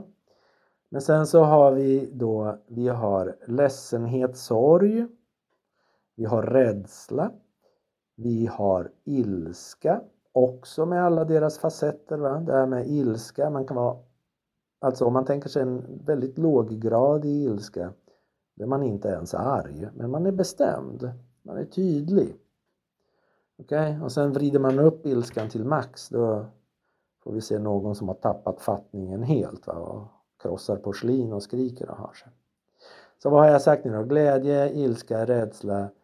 Eh, vi har ju eh, skuldkänslor, vi har skamkänslor. Vi har en känsla som är neutral och det är förvåning, hoppsan, vad hände där? Sen så har vi förutom glädje en till som är positiv och det är det här med intresse slash nyfikenhet. När vi vill eh, närma oss någonting och utforska och ta reda på mer. Och, eh, Eh, det, det, det, finns ett stort element av intresse i kärlek till exempel, när man blir som besatt av en annan människa och vill bara veta mer och mer och mer om den. Och sen så har vi en som heter avsky slash äckel. Och alla de här, de har funnits sedan lång, lång, lång tid tillbaka och meningen med känslor och här har vi det här, varför är det bra att förstå dem? Jo, för att de signalerar någonting till oss. Meningen med känslor är att de ska tala om för oss hur det är i stunden och vad vi behöver göra. På stenåldern var det inte bättre men det var annorlunda, det var enklare på många sätt. Var jag rädd så fanns det förmodligen någonting farligt att undvika eller fly ifrån. En sabeltandad tiger kanske, eller en mammut. Okay? Var jag arg så fanns det förmodligen någonting som jag behövde slå ihjäl. Kanske också en mammut eller en sabeltandad tiger eller en, någon medlem ur en fientlig flock eller någonting sånt. Va? Skuldkänslor, skamkänslor, de eh, har ju uppstått för att de har en socialt reglerande funktion. Igen då, som jägare-samlare Säg nu med att jag blir påkommen med att roffa åt mig lite mer av bytet än vad jag egentligen är, har eh, rätt till. Då kanske den där skammen, den ska egentligen finnas där för att hålla mig i skinnet va? så att jag inte gör bort mig och blir utesluten ur gemenskapen. Så alla de här känslorna behövs och oftast så leder de oss rätt, ibland så leder de oss fel många gånger också. Va? Eh, säg nu att jag eh, är väldigt, väldigt ledsen för att mitt liv har gestaltat sig som det har gjort. När jag har gått in i väggen så vad jag är inne i egentligen är att jag är ledsen. Men eh, istället för att tillåta mig att känna den ledsenheten och gråta ut ordentligt så hamnar jag i vad man kallar för sekundära känslor. Alltså jag försöker lägga locket på sorgen och så går jag in i ältande av skuld och skam och ilska mot ödet och ilska mot chefen och ilska mot kreti och pleti och sen så går jag in i skuld och skam en vända till och, och så vidare. Så eh, man kan se det så här då att våra känslor, de primära känslorna, de som alltså uppstår som en blixt från en klar himmel, som en omedelbar reaktion på en händelse, vilket ofta är rädsla, eh, Eh, det kan vara sorg, ledsenhet också. De talar om för en vad jag behöver. En ledsen människa behöver tröst, en rädd människa behöver eh, tryggas. Men sen har vi ju då det här inlärda som ofta kommer från familjeförhållanden och liknande som är känslor som vi stoppar in sekundärt för att peta bort de där andra som får oss att känna oss svaga och Eh, eh, känslor som är oönskade helt enkelt. Så känslor genererar känslor och vi kan hamna väldigt fel. Jag tänker att eh, i en utmattning till exempel, och igen då med risk för att bli tjatig, där kan det vara klokt och konstruktivt att tillåta sig att vara ledsen. Okej, okay? och det kan vara skrämmande i sig för många som aldrig har tillåtit sig att vara det. Utan det blir lätt att man hamnar i något ältande av skuld och skam istället. För många så är glädje en förbjuden känsla. Det där med att bara få lugn, vara lugn och avslappnad och bara sitta och mysa till det. Nej fy, det där är ju skräckinjagande. Kanske för att man eh, från barnsben lärt sig att det där, så där gör man inte. Va? Då är man en lat, dålig människa. Man ska vara igång hela tiden. Ja, så. Ja, tack. Jag, jag tolkar det som att eh, varför du har valt att eh, prata om just känslor och hur man hanterar känslor eh, i en bok som är gjort för då människor med stressrelaterad ohälsa eller för människor som är utmattade. Det är för att, att det kanske finns en okunskap hos många människor som blir utmattade. Att det kanske finns många människor som, eh, som har haft problem med att kunna hantera framförallt de primära känslorna och att det kanske mer vanligtvis uttrycks sekundärt, alltså i sekundära känslor. Absolut så. Är det en rätt tolkning? Ja, det är en rätt tolkning, verkligen. Det skulle jag vilja säga. Från eh, tankar, känslor till något, an något annat. Eh, kapitel 6. Självkritik kontra självmedkänsla. Ja vad är självkritik och vad är självmedkänsla och varför behöver vi självmedkänsla? Ja, i korthet är det ju så att självkritik det är ju när vi med eh, skarp ton tillrättavisar oss själva och kritiserar oss själva. Och vi har ju idéer någonstans om att det här är bra för det, då uppfostrar jag mig själv och skulle jag sluta vara hård mot mig själv då kan jag slappa till mig och bli en hippie. Va? Medan i själva verket så genererar vi stress och när vi blir stressade då eh, får vi inte möjlighet att återhämta oss på ett bra sätt så där igen vidmakthåller vi utmattningssyndromet om det är det vi pratar om eller annars så skapar vi oss bara en massa dålig självkänsla, nedstämdhet och ångest. Vi skrämmer upp oss själva med våra egna tankar. Så även om det här är allmänmänskligt så är det ju inte konstruktivt. Va? Och självmedkänsla, det handlar ju inte om att man ska bli en mjäkig person som ger sig själv lov att eh, göra vad som helst utan vad det handlar om väldigt mycket det är att bemöta sig själv som om man vore sin bästa vän.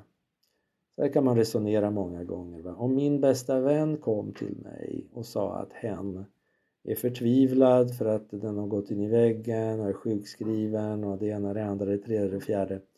Hur skulle jag bemöta den? Skulle jag tala om för den att eh, den ska sluta larva sig och bita ihop och gilla läget? Eller skulle jag säga, skulle jag liksom normalisera det den eh, berättar? Ja men det är klart att du känner så, det är inte så konstigt att du känner på det här viset. Va?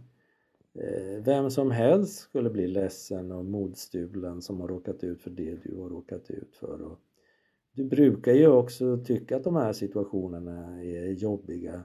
Så varför skulle du inte tycka det nu? Va? Så lite på det sättet att man, eh, man kanske inte bara försöker vända negativt tänkande till något klämkäckt. Men ryck upp det nu, du är fantastisk och helt underbar och har en lysande framtid för dig. Utan att man hjälper sig själv att sätta saker i sitt sammanhang och att man är stöttande på, på ett eh, rimligt sätt. Eh, det här har vi ofta svårt för. Och man behöver verkligen öva på det. Va? För att det finns långt där inne någon liten inre kritiker som är misstänksam mot att man är snäll mot sig själv. Men den kan man också hantera med kärlek och värme och empati. För att vad är den för något? Det är ju en röst eller en serie röster där inne i huvudet som eh, är egentligen uttryck för rädsla. Det finns någon liten rädd stackare där inne som inte vill att vi ska göra bort oss. Som inte vill att vi ska ställa till det för oss och som inte vill att vi ska bli utslängda ur gruppen. Och nu är det så att den där rädda stackaren den har ju fått för sig då att om, om jag tar i på skarpen här med en skarp ton så kanske jag kommer att eh, få min eh, min, eh, vad ska vi kalla det för, ägare att eh, skärpa till sig och bete sig bättre. Men det brukar ju inte bli så alls va, utan man blir ju bara skärrad. Så man kan ju bemöta den där inre rösten som sagt med empati. Så ja, jag ser dig, jag förstår att du är upprörd just nu, du är rädd. Men vet du vad?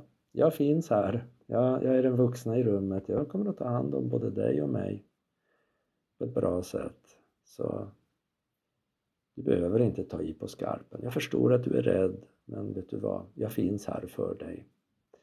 Så om man kan tala stöttande till sig själv på det sättet så är ju det mycket mer konstruktivt än om man kritiserar sig själv hårt.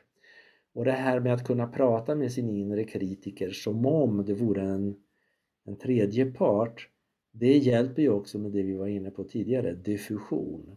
Så man får ett litet en liten distans till den där rösten. Som om man är distanslös till den så kan den ju bli väldigt kännbar, eller hur? Men om man ser det som en liten eh, rädd, skärrad person som är där inne i någon av hjärnans mörka rum och som är livrädd då kanske man kan känna lite medkänsla med den till och med. Va? Så skapa en snällare och mer varm dialog med dig själv. Ja. Och jag gillade din beskrivning i boken i samma kapitel där du då beskrev det som att, att och, och du kanske nämnde det eh, nyss, att ja, men hur viktigt det är att skapa fred med den inre kritiken istället för att försöka ersätta den med en inre beundrare. Eh, ja. Till exempel i form av en affirmation. Mm. Eh, och diffusion diffusion känns verkligen som att det är ett, ett begrepp som är genomgående för hela boken, tycker jag. Eh, att man då skapar en distans till sina tankar, sina känslor, beteendemönster. Och jag har provat några av dina övningar i boken och jag kan nog uppleva att diffusion, uttalar jag det rätt när jag säger diffusion? Japp. Yep. Är en teknik som eh, verkligen kan hjälpa mig att få distans till mig själv. Mm. För, för, för, när jag lyssnar på dig och när du pratar om självkritik och självmedkänsla och det där inre surret som, tiden, som finns i, i huvudet eller i mitt medvetande så kan det vara svårt ibland att få distans till det. För att även om du säger nu att man försöker skapa en, en, en finare, snällare, varmare dialog med mig själv så, så, så, känns det som att det kan vara svårare, svårare praktiskt än teoretiskt att anamma det. Mm. För det känns som att den här radiorösten som du nämner i, i boken på, på, olika sätt, den, det, är lite, det, det är som ett beteendemönster. Alltså det är något starkt rotat som bara pratar med mig hela tiden och som jag kanske inte alltid är medveten om. Mm. Eh, så finns det någon övning som man kan använda i detta? Eller handlar det bara rent allmänt om att man ska försöka bli snällare mot sig själv och ha med den i sin medvetenhet? Ja, alltså dels det, men eh, ja, det är ju en övningsfråga va? att eh, omformulera vissa påståenden. Fan vad du är värdelös med Ja, jag märker att jag inte är så nöjd med det jag precis har gjort. Till exempel. Men alltså, eh, allting är en enda stor övning att eh, på daglig basis lägga märke till vad man tänker. Just nu märker jag att jag tänker det här, just nu märker jag att jag tänker si. Sen för att distansera sig från de här, som du säger, väl ingrodda ältandebanorna som sätts igång, framförallt när vi är själva och inte har så mycket annat som pockar på vår uppmärksamhet. Du förde det här med radio på tal. Det är ju utmärkt för att man kan ju betrakta den inre kritiken eller grubbleriverksamheten i största allmänhet också som en radio eller en podd om man vill då eh, som står på och pladdrar och då kan vi också välja att inte gå in i någon form av argumentation med den. Okay, så man använder sig av den bilden att nu så är det tydligen så att radio självkritik är igång här eller radio med kanalen Mina misslyckade relationer eller radio Framtiden är omöjlig. Nu är den igång igen. Vill jag lyssna? Ska jag gå in och argumentera med den? Ska jag ringa in till redaktionen och prata? Eller ska jag bara låta den surra? Och så riktar jag min uppmärksamhet till någonting annat. Där har vi en metod som är rätt kraftfull. Va? För att egentligen många av de här ältande teman och det här med självkritik det är ju samma skåpmat som går runt, runt, runt hela tiden egentligen jag, mig och mina tillkortakommanden och framtiden och det är ju inte mycket variation om man tittar på det. Och det här med att gå in och försöka ändra på det, argumentera med sig själv, det är ju egentligen någonting som bara håller liv i det. Eh, så här får man ju se det som självkritik eller grubblande sekvenser, grubblerisekvenser, det är ju lite som en pingpongmatch också. Det vill säga, jag är själv hemma och då så kommer grubblerierna igång. Det är ofta då det händer. Och så kommer det en första tanke som säger Usch vad tråkigt allting är. Och så går jag in och svarar. Nej, men så farligt är det inte. Jo, fy vad tråkigt det är. Kommer nästa tanke. Så går jag in där. Nej, men nu ska vi tänka positivt här. Snart är det vår. Då kommer en, en, dålig, en negativ tanke till. Ja, våren ja, då blir det bara regnigt och eländigt. Och så försöker man stoppa in en positiv tanke. Ja, men tänk alla blommor som kommer fram. Och så kommer en negativ tanke. Ja, och så kommer allergierna igång och hösnuvan och så kommer jag att nysa och hålla på. Så när vi ältar grubblar, oavsett vad temat är, nu tog jag någonting helt ur hatten här om våren och, och tråkighet. Men alltså grubbel, eh, eh, slingor, ältande stunder, de består ju då av, precis som i en pingpongmatch eller en tennismatch, av någon som spelar för den jobbiga sidan och några som spelar för den goda sidan. Och ofta är det den negativa sidan som börjar. Det kommer en negativ tanke, pong, och servar sin boll. Och eftersom den är obehaglig så vill jag gärna eliminera den genom att slå den tillbaka. Med en positiv tanke. Då får jag en negativ tanke tillbaka och så slår jag tillbaka den med en positiv tanke. Och det är där kedjan bildas. Som inte tar slut förrän jag tröttnar, jag somnar eller någon kommer och hämtar mig eh, för att vi ska göra något annat och så skingrar jag tankarna. Va? Så en metod för att bryta de där tankespiralerna det är faktiskt att avstå ifrån att svara sig själv. Så om det kommer en tanke, usch vad tråkigt, kan jag säga det till mig själv, okej okay, nu märkte jag att det kom en tanke som säger usch vad tråkigt. Och så kommer en tanke till sen, ja men det är ju tråkigt. Ja, nu märker jag att jag har en tanke som säger ja, det är ju tråkigt. Men inte gå in i svarsmål. För då är det som att pingpongmatchen tar slut så småningom. En servar, servar, servar men får aldrig någon boll tillbaka och så rinner det ut i sanden. Inte ge mm, tankarna någon syre. För då, desto mer syre som de får, desto mer kommer de tillbaka eh, ännu starkare. Exakt. Och jag gillar ju också, du har ju en metafor, i, eller en liknelse i kapitel 3 tror jag, eller om det är 4, där du pratar om känslor. För då har du en, då har du en liknelse mellan eh, känslor och himlen. Att, ja. att eh, ja, det kanske bästa är om du berättar den liknelsen, du som har gjort den. ja, precis. Eller ja, det är inte jag som har gjort den utan det är ju de som har skapat den här ACT-terapin men eh, den är, den är fin och användbar på många sätt.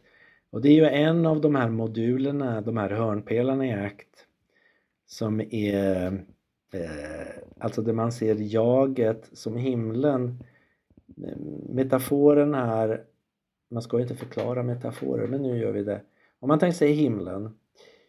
Den, eh, om man betraktar den så ser man att där kommer det moln.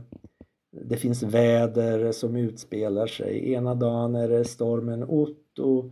Nästa dag så är det en klarblå himmel. Ibland så finns det små eh, mörka moln, ibland så finns det stora vita moln och det där är i ständig förändring. Och motsvarigheten till oss det är att det där vädret som är ständigt skiftande, det är ju våra känslor. Det vi känner och upplever. Va? Det förändras ju konstant. Medan vi själva, det är vi som är himlen, det är vi som ger plats åt allt det där och låter det få finnas med oss som någon form av bakgrund. Och precis som vädret inte kan skada himlen så kan inte känslorna skada oss. Så istället för att kämpa emot dem så kan man mycket väl tillåta dem att få finnas där, tillåta dem att passera. Sen är det klart att eh, man ska ju inte nödvändigtvis agera på alla känslor på ett sådant sätt som kanske blir destruktivt på lång sikt. Va? Utan att känslor och tankar och alla de kroppsliga förnimmelser som hänger ihop med känslor och tankar ska få finnas, det är fine. Men sen så behöver vi också ha en tydlighet med vad det är vi vill med våra liv, vad vi vill stå för. Ska jag vara min bästa vän eller ska jag vara min värsta kritiker? Det är ett sånt här förhållningssätt som man kan ha. Va? På vilket sätt vill jag vara som partner? Vad är det som är viktigt för mig att vara som förälder? Varför har jag valt det här yrket? Vad är det som är viktigt för mig i det här jobbet? Så om man har en tydlighet kring alla de där frågorna och några till så kan man låta väldigt mycket av tankar och känslor och liknande vara som de är samtidigt som man styr beteendet åt det håll som man anser vara viktigt för en. Va? Ja. Mm, jag, jag gillar i alla fall den, eh, den liknelsen och jag kan, jag, kan, jag kan också verkligen se kopplingen till det buddhistiska, att man mer går in i att vara en observatör. Ja. Men också hur viktigt det är, som du säger, att kunna... Um, det, det, kanske hjälper en till att kunna se mer klart i vad jag ska agera på och vad jag inte ska agera på. För du pratar ju också om hjälpsamma och ohjälpsamma tankar. Att genom att gå in i en observationsroll så kanske det blir lättare att se vilka tankar som är hjälpsamma och vilka tankar som inte är hjälpsamma. Eh, men att samtidigt kunna tillåta vad som än kommer på himlen att vara där. Känslor som tankar. Exakt så. I, i kapitel 8 eh, så pratar du om att skapa en balans mellan aktivitet och återhämtning. Mm. Du har nämnt boom and bust-beteendet sedan tidigare. Eh, det, det med att man då gör slut på all energi direkt eh, eller att man inte gör något alls när man då har gjort slut på all, all energi kanske dagen innan. Eh, hur gör man för att skapa aktivitetsbalans? Vilka övningar, vilka metoder finns som hjälpmedel? Om du ska nämna mm. en då som ett exempel. Ja, någonting som kan vara klokt att göra det är att skaffa sig en överblick över hur dagarna ser ut. Och då kan man alltså använda sig av en dagbok där man gör små anteckningar om vad man gör timme för timme. Och sen så kan man analysera mönstret och leta till exempel efter stora oavbrutna sjok av aktivitet som sedan åtföljs av att man ligger för ankare längre perioder av tid. Och sen försöka bryta upp mönstret så att man växlar hela tiden aktivitet och återhämtning. Och då får man tänka så här att återhämtning det beror alldeles på vad man har gjort. Vi har ju förvisso ett batteri men om jag nu har jobbat med huvudet en stund så behöver mitt huvud vila och det kan jag få till genom en aktivitet som till exempel skulle kunna vara en kortare promenad, en bensträckare, en mindfulnessövning eller vad det nu är som tillåter hjärnan att vila. Sen om jag är trött fysiskt för att jag har tagit den där promenaden så behöver min kropp vila. Då kanske den behöver sitta ner eller sträcka ut sig, få någonting att äta eller dricka. Och är det på dagen kanske jag inte ska sova för att det är bättre att spara sömnen till natten om man har svårt med sömnen. Är jag känslomässigt trött så kanske jag också behöver röra på mig eller vara ensam för mig själv en stund, ta en promenad i skogen eller prata med någon som, är, som jag har förtroende för.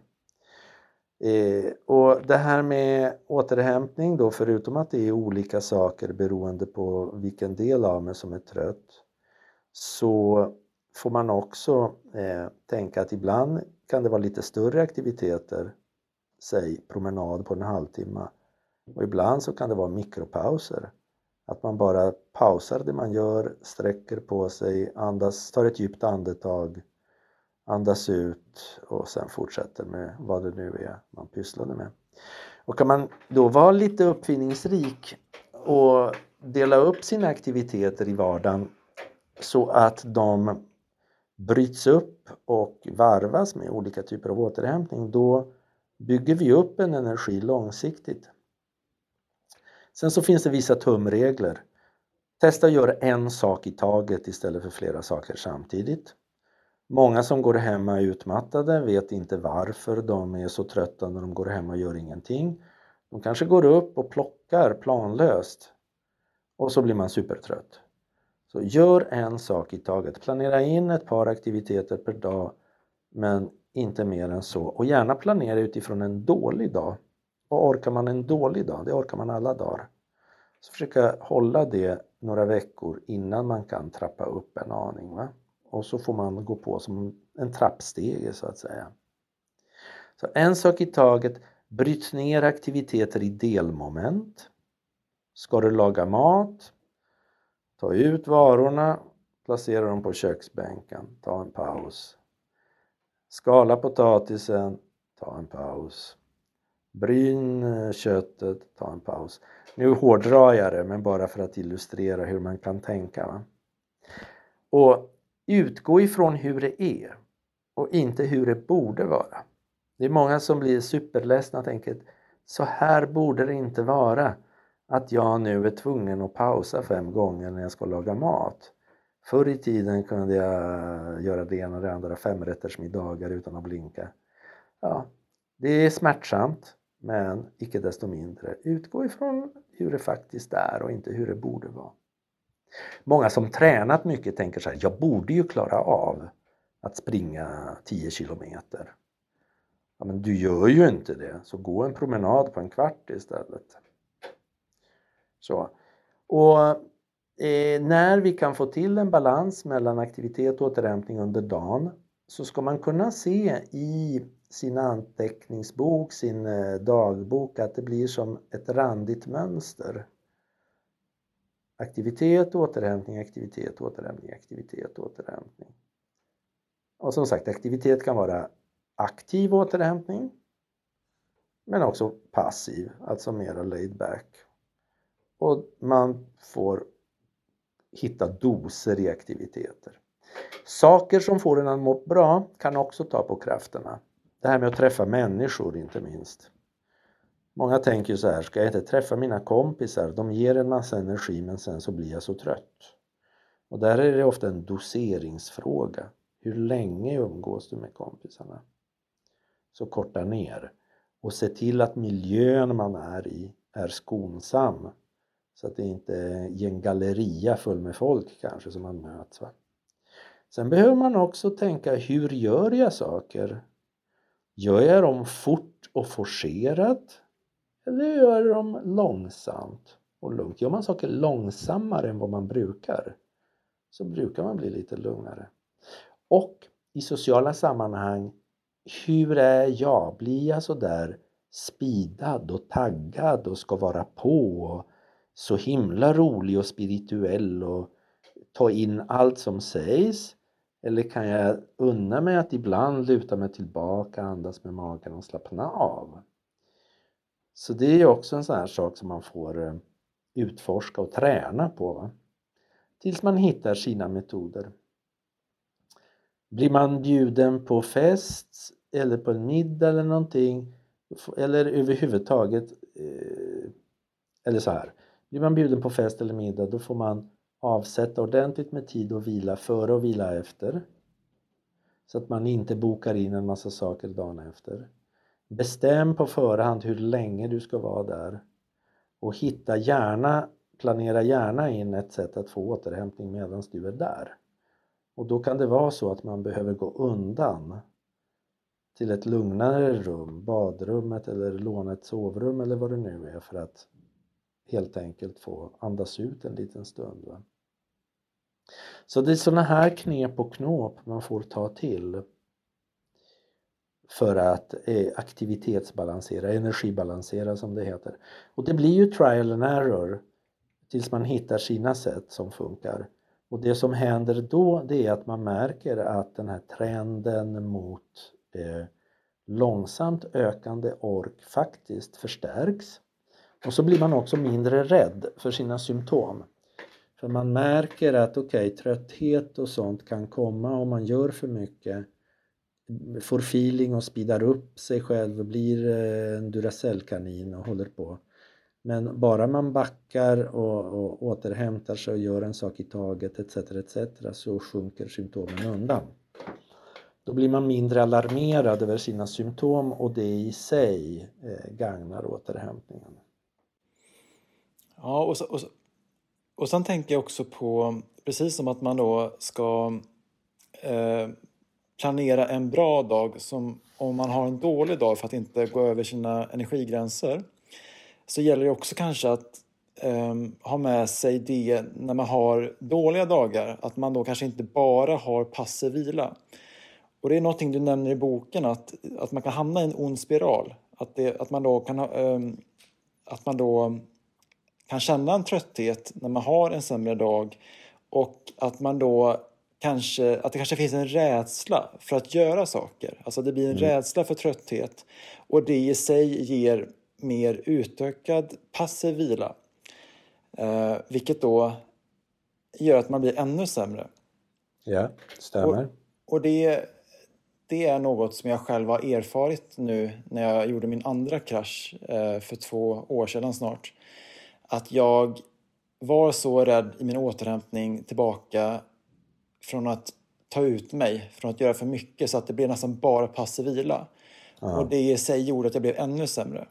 Yeah. och sen så var faktiskt lösningen det var att komma igång med träning Ja. Inte så att jag sprang en mil en timme utan att jag tror jag gick eller sprang långsamt 15 minuter två dagar i veckan. Det var det som jag orkade eller mäktade med i början. Mm. Men utan det så hade jag inte kunnat bryta den spiralen. Finns det någonting som dyker upp i dig eh, kring just det jag, säger, det, det jag sa nu? Ja, förutom att jag instämmer alltså att om man blir rädd för eh, att bli trött och man hanterar det med mycket passiv vila då blir det ju en självuppfyllande profetia. Va? Och sen så sa du att du eh, började löpa väldigt försiktigt eh, två gånger en kvart i veckan. Mm. Ja, och det är också någonting man behöver eh, eh, se till att få, nämligen komma ut och röra på sig och få igång kroppen. Och man behöver börja där man är så att säga. Va? Som du beskrev att du var ute och, och småjoggade två gånger i veckan, en kvart i stöten. Ja, det var väl den baslinjen du hade där och då. Så du utgick ifrån det och nu gissar jag att eh, ett par år senare att du kan förmodligen klara av mer än så, va? att du har, din, din eh, status generellt har förbättrats. Så det är definitivt någonting man behöver ha på menyn. Att eh, sakteliga börja träna och kanske börja med promenader och sen på, på den nivån man klarar en dålig dag och sen gradvis skala upp. Och blir det stora bakslag, ja men då vet man att man tagit i för mycket kanske och får backa hem lite grann. Men inte bli rädd för, för aktivitet. Så här är det att under en period med utmattning när man är väldigt skör och inte har kläm på hur det här med energibalansering fungerar då behöver man kanske vara lite strikt när man har kartlagt sig själv och lagt märke till vad man har för akilleshälar, när är det man brukar köra på, när är det man pausar för lite, när är det man gör för många saker samtidigt och sen justera det, då kan det vara klokt att ha en hyfsat strikt planering framåt. Den kommande veckan ska jag göra det här och det här och det här och det här och det här och det här ska vara mina pauser och hålla sig till det. Men sen efter ett tag, efter några månader eller vad det är, när man märker att man börjar få orken tillbaka mera och att man också kan styra sin utmattning i viss utsträckning, då får man inte vara lika fyrkantig. För annars så finns det en risk att man livet ut sen blir superrädd för att eh, vara lite flexibel och improvisera. Nej, jag måste ta min paus klockan fyra för annars är det katastrof. Va? Så sen är det viktigt att bli mera flexibel. Men ändå ha det här tänkandet i bakhuvudet då. Prioritera återhämtningen, eh, planera in den och få den gjord, vila före, vila efter, randiga dagar, en sak i taget. Och motionen, absolut. Men som du själv var inne på då, inte börja med att springa en mil på en timme utan Sänk ribban ordentligt. Om ribban är för hög då blir man ju definitivt demoraliserad också, eller hur? Så att gör det möjligt. Mm. I eh, kapitel 9 så är eh, rubriken att sätta gränser. Vad finns det att säga kring, kring det kapitlet? Tänker du? Oj, det finns väldigt mycket att säga kring det kapitlet. Eh, och vad det handlar om då, det är ju dels att man behöver sätta gränser mot sig själv. För att många gånger så är man eh, sen barnsben en ja-sägare och en person som tar ansvar, tar på sig för mycket ut, oombett. Man har en känsla som hänger i luften, man uppfattar att det, det hänger i, en förväntan hänger i luften på något sätt och så tar man på sig saker innan någon ens har bett en. Men sen så behöver man ju också, eh, för att kunna hantera sig själv, kunna säga nej till andra. Va? Och då inte med avsikten som många tror att förvandlas till någon form av fullfjädrad egoist som bara bryr sig om sig själv och låter familjen och arbetsplatsen och resten av världen duka under utan man behöver ju kunna sätta gränser för att kunna ta hand om sig själv. Och för att kunna göra det så finns det förstås en mängd tekniker men man behöver ju hitta motivationen också i det här med att, eh, att, att vilja göra det, det är ju för att man behöver helt enkelt ge sig själv den omsorg som är nödvändig för att inte krackelera. Det går inte att vara en bra förälder eller en god vän eller en effektiv medarbetare om man går på knäna.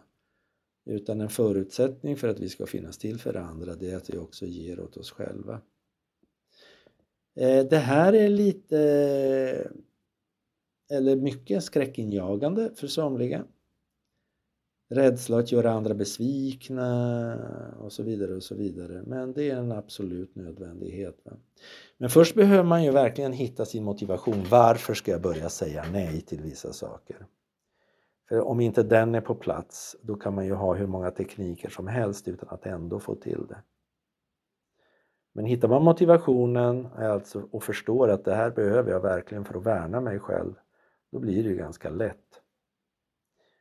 Sen när man säger nej till andra så behöver man inte vara otrevlig på något sätt. Va? Det är ju en risk annars om man har varit dålig på att sätta gränser tidigare i livet. Så sen när man ska säga nej så tar man i från tårna och så kommer det ut väldigt plumpt och aggressivt. Va? Men man kan ju många gånger säga det väldigt, väldigt artigt och vänligt. Och tack fina Alexander för att du har bjudit in mig till det här. Och vet du, jag är verkligen så glad och känner mig smickrad. Men vet du, jag behöver verkligen tacka nej för att... Eller jag behöver bara, jag behöver verkligen tacka nej, punkt. Lite så va? Ja, precis. Men, men sen kan man också, tänker jag, och det nämnde du i boken, dela upp det. Så att, för, för ibland så kan jag uppleva att jag har en... Om, om, om jag nu har blivit utmattad, som jag har, och så börjar jag bli bättre och så börjar jag känna en, en längtan av att jag ska vilja börja, börja träffa några gamla vänner igen. Mm. Men då kanske jag har en, en, förväntning av att när vi ses så ska vi ses kanske i tre timmar. Vi ska, det kommer antagligen betyda att vi liksom pratar i ett och det är inga pauser emellan. Och, så att när jag, liksom, när jag gör den här energiinventeringen inför ett sånt möte så tänker jag att nej, men jag, jag har inte råd att träffa en person i tre timmar för att den energin har inte jag. Men där kan vi också bryta upp det lite, eller dela upp det. Så att, ja. och, och du nämnde det i boken att eh, jag skulle kunna säga till vännen utifrån tidigare erfarenheter att men vi, vi skulle kunna ses i en timme. Ja. Eh, och sen behöver jag dra därifrån. Ja. Och sen kan det också vara så att man ses i en timme men att efter en, efter en halvtimme så behöver jag gå in på toalett, toaletten om vi är på ett fik. Och, och kanske bara andas och eh, samla lite energi från en mikropaus där. Absolut. Så att eh, jag ska också vilja verkligen pusha människor till att våga göra det som du längtar efter även fast, eh, även fast det kan ehm, även, även, om man tror att um, det behöver inte ta så mycket energi som man tror. Det är väl det som jag vill säga. Mm. Och det är sant, för många så är, så är det ju skrämmande att göra det. Men man tror att folk ska ta illa upp och så vidare. Va? Men i regel så är ju reaktionen inte alls på det sättet. Folk säger jaha, okej, okay. så det är inget mer med det. Men det är precis som du säger då att eh, man kan eh, verkligen gränsa på olika plan genom att säga jag kan ses en timme där och där och ofta välja då ett lugnt ställe helst. Va? Likadant med semestrar och ledigheter där man många gånger har någon upplevelse av krav och förväntningar att man ska träffa varenda släkting som någonsin funnits etc. Men också våga sätta gränser där. Va? Och ja, ibland händer det kanske att man trampar någon på tårna men eh, så är det också i livet. Det gör man även i det vanliga livet, även fast man, inte är, även fast man inte är utmattad, tänker jag. Ja. I kapitel 10 så, eh, som heter Bryt, bryt undvikandet så ja, du kom in lite på det förut, eh, att man då också behöver att kanske utmana sig själv när man är på rätt ställe i den här utmattnings återhämtningsfasen eller utmattningsresan. Ja, vad har du att säga om just det kapitlet eh, när det gäller att bryta undvikandet och vilka situationer kan det vara bra att utmana sig i, i undvikandet? Ja, det finns en mängd, men den här klassikern det är ju det här med att komma tillbaka till jobbet som för somliga har gått och blivit som en fobi. Va? Det finns ju de som har eh, starka ångestreaktioner bara att tänka på arbetsplatsen och se den fysiska arbetsplatsen. Så de börjar undvika att tänka på den, att prata om den, undviker stadsdelen kanske, eh, skjuter upp Eh, datumet för arbetsåtergång med mera, med mera, med mera. Och ibland är det ju handen på hjärtat på det sättet att det finns arbetsplatser som man egentligen inte ska tillbaka till. Men då får man problemlösa kring det. Va? Kanske att man rehabiliterar sig i formen på den gamla arbetsplatsen för att sedan byta. Men då oavsett så behöver man bryta det här undvikandet genom att i små kalkylerade steg närma sig arbetsplatsen. Då. Eh, kanske att man börjar eh, bara med att sitta och prata om den. Det brukar kunna ge ett ordentligt påslag och sen efter ett tag så ebbar den ångesten ut. Och sen i nästa steg så kanske man åker och tittar på arbetsplatsen på håll. Och det ger ett ordentligt påslag och sen så ebbar det ut så småningom. Och sen så småningom kanske man tar sig till eh, ingången och står där och kikar. Så småningom kanske man åker dit och fikar. Så pö om pö så närmar man sig det tills man klarar av det. I utmattningssyndromssammanhang så finns det ju andra saker som man ofta behöver exponera sig för och en del av det är det som vi pratade om för en stund sedan, att säga nej och sätta gränser. Det kan vara att ta pauser. Tro det eller ej, men det är en exponering för många som är uppvuxna med en övertygelse om att då, då är man en dålig människa. Va? Då får man ingenting gjort, då är man en latmask. Att träna sig att göra det ändå. Man kan träna sig på att inte vara superpedantisk med städningen. Okay, dela upp städningen och inte köra på tills allting ser ut som ett sköna hemreportage utan lämna lite stök i hörnen och lära sig leva med det. Bjuda hem folk när det är lite ostädat. Eh, ja, sen har vi ju det här med miljöer som är rika på intryck.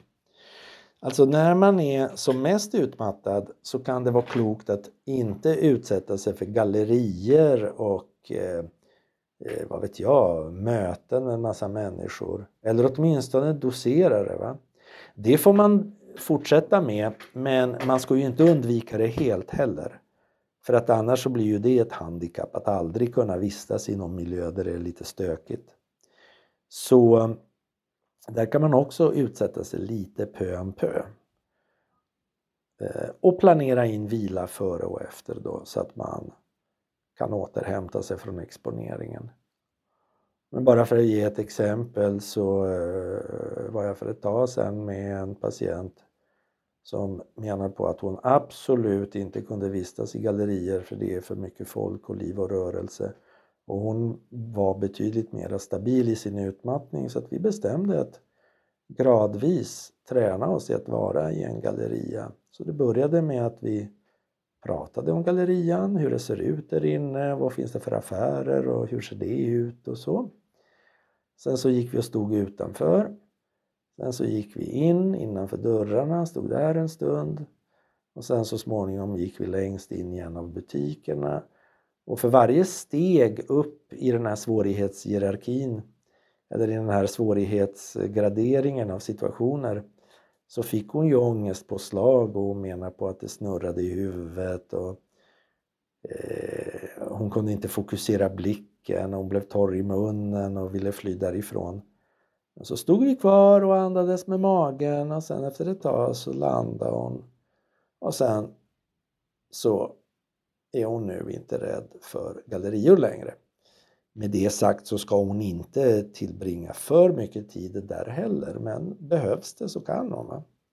Åka tunnelbana, samma sak. Det brukar vara en sån här sak som blir svår för många.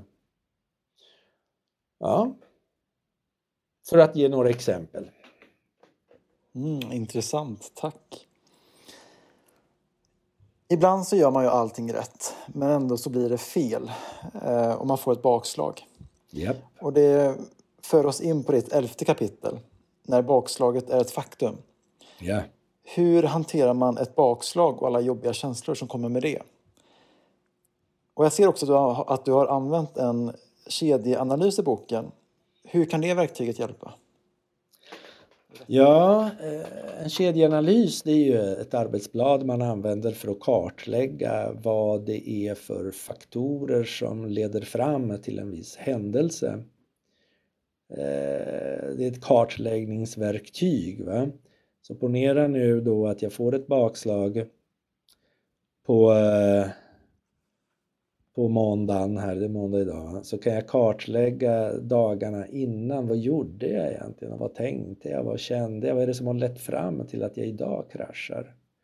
Och när det här väl satte igång, vad hade jag när den här processen satte igång? Hur var min dagsform? Hade jag sovit ordentligt? Hade jag ätit ordentligt? Var jag frisk kroppsligt eller vad var det? Va? Så då kan man spåra beteenden, tankar, känslor och olika sammanhang som kan göra en mera sårbar för ett bakslag. Så kan man använda det i planeringen framåt sen. Va? Så i stora drag. Men alltså hur man hanterar bakslag, ja det är till att börja med så behöver man ju helt enkelt acceptera att det är ett faktum. Okej, okay, nu har jag ett ordentligt bakslag. Så kan man ju fråga sig vad är ett bakslag? Vad är ett återfall? Och det, där finns ju ingen tydlig gräns men för enkelhetens skull kan vi väl säga att ett bakslag det är några timmar till några dagar, kanske några veckor till och med, där man har en ökning av symptomen. Så att man är tröttare, ledsnare, mera ljudkänslig, mera glömsk och virrig. Återfall det kan vi väl se som ett sånt stort bakslag att man är tvungen att bli hundraprocentigt sjukskriven igen och kanske gå en ny vända rehab. Va? Men bakslag, det handlar om acceptans. Nu har jag kraschat igen eller nu har jag ett bakslag utan att liksom värdera det för mycket som en katastrof. Lätt att säga, svårt att göra, men ändå så är det det som är konceptet. Träna på acceptans. Det är vad det är. Ett utmattningssyndrom utan bakslag är inget riktigt utmattningssyndrom, så det ingår. Och sen försöka lära sig något av det, om det går. Gjorde jag för mycket? Har jag varit med om någonting upprörande, upprivande så att jag blev ledsen eller rädd? Eh, finns det andra faktorer som förklarar varför jag är så utmattad? Ibland så kan ju bakslag uppstå som man tror är utmattning men som i själva verket orsakas av någonting annat. Man har en infektion, man är bakis, man har allergier, Eh, man, kan, man, man har nackspärr. Om man vaknar upp med nackspärr så brukar man också ha sovit dåligt och ha mm, spänningar och smärtor som sprider sig upp mot huvudet som gör att en hel del av de här symptomen på utmattning blossar upp. Eh, så det finns ju en rad olika faktorer som kan förklara det men det är inte alltid man hittar en förklaring heller. Så det enda som återstår är att hantera det. Och då kan det helt enkelt vara klokt att ha en meny av metoder som man vet funkar för en. Och gärna skriva ner dem och ha dem någonstans där man vet att man har dem. Vad är det jag ska göra när jag har en dipp? Så att man har en litet, litet smörgåsbord av saker man kan göra. Och vad det brukar handla om det är att även om man är väldigt, väldigt trött och modstulen ändå ta den där promenaden. Se till att ha en eh, regelbundenhet i den vardagliga strukturen. Ät rimligt nyttigt på regelbundna tider. Eh, prata med någon som är eh, tröstande och som du har förtroende för. Va? Gör en sak i taget. Så alltså, om man nu går tillbaka till att göra det som man vet är bra för en i små steg så lägger sig bakslaget och så kommer man upp på andra sidan, kanske förvånansvärt snabbt också. Eh, men börjar man grubbla, börjar man älta och går in i katastroftänk och skuld och skam, då kan det istället dra iväg åt det motsatta hållet så att det blir som en nedåtgående spiral. Så acceptans och göra det man vet funkar. Jag tänkte avrunda vår poddintervju med kapitel 12 som heter Den fortsatta resan. Mm. Eh, med en övning som jag tyckte var väldigt intressant som heter då Möt dig själv som hundraåring. Ja. Skulle du vilja berätta lite om den övningen? Hur, mm. vad, är vad är tanken bakom och hur, hur fungerar den? Ja, det där med att möta sig själv som hundraåring, det är ju en bland flera övningar som finns inom ACT för att få en att tänka till. Eh, och poängen är ju då att du eh, sitter och föreställer dig att du har blivit urbota gammal, du fyller hundra och så kommer ett antal gäster som är då de viktigaste människorna i ditt liv. Och eftersom det här är en fantasi så kan ju alla vara med även om de inte längre lever när du är hundra. Va? Så länge du verkligen tycker att de är de viktigaste människorna i livet. Och bara det att kunna blicka över den här gruppen människor och se vilka är de som verkligen betyder mest för mig kan sätta saker i ett visst perspektiv. Va? Det är ju påfallande sällan som representanter för arbetsgivaren finns med på detta kalas. Ja. Eh, sen när man har tittat på de här en stund så föreställer man sig den här festen eller middagen eller kalaset, vad det nu är, som pågår till ens ära. Och så föreställer man sig också att den, om det nu finns en som är den allra viktigaste i livet, håller ett litet tal till ens ära där den skapar ögonkontakt och tackar den, Håller ett kort koncist hyllningstal och tackar en för de fina egenskaperna man har stått för. Tack fina Alexander, för mig har du verkligen betytt jättemycket, nämligen det här och det här och det här. Du har alltid funnits där, du har alltid haft en sån härlig humor Samtidigt som du varit så duktig på att också visa hur man tar hand om sig själv och för det vill jag tacka dig. Till exempel. Så upprepar man den här proceduren med några av dem som är de viktigaste i livet. Och kanske att man vill stoppa in sig själv där också. Vad vill den yngre versionen av mig tacka den äldre klokare varianten för? Tack Giorgio för att du faktiskt var ganska ihärdig med att göra en sak i taget och ta pauser och tacka nej till merarbete. Även om det satt långt inne att visa världen att du inte är så perfekt som du vill ge sken av så tog du faktiskt hand om dig och det vill jag tacka dig för. I den stilen. Så sen när man har genomfört den här visualiseringsövningen så kan man kanske ha lite ledtrådar till vad som är och vilka och vad som är viktigt i livet. Så om jag kommer fram till att jag vill faktiskt vara en stöttande, närvarande, kärleksfull men ändå gränssättande förälder så kan jag ju fråga mig själv, okej, okay, givet att jag inte är hundra år ännu, vad är det jag kan göra redan idag ett litet myrsteg som leder mig åt det hållet.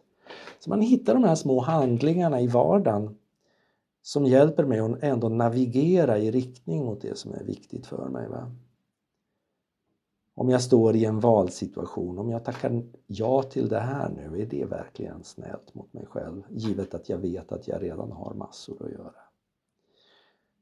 Så eh, det är en övning som ska ge inspiration till att hitta vad som är viktigt och sen så får man konkretisera och se till att få det gjort. I små, små steg. Vi pratar om myrstegens princip. Hellre ett litet steg varje dag än att man tar ett gigantkliv en gång varannan månad och sen kraschar. Va? Mm.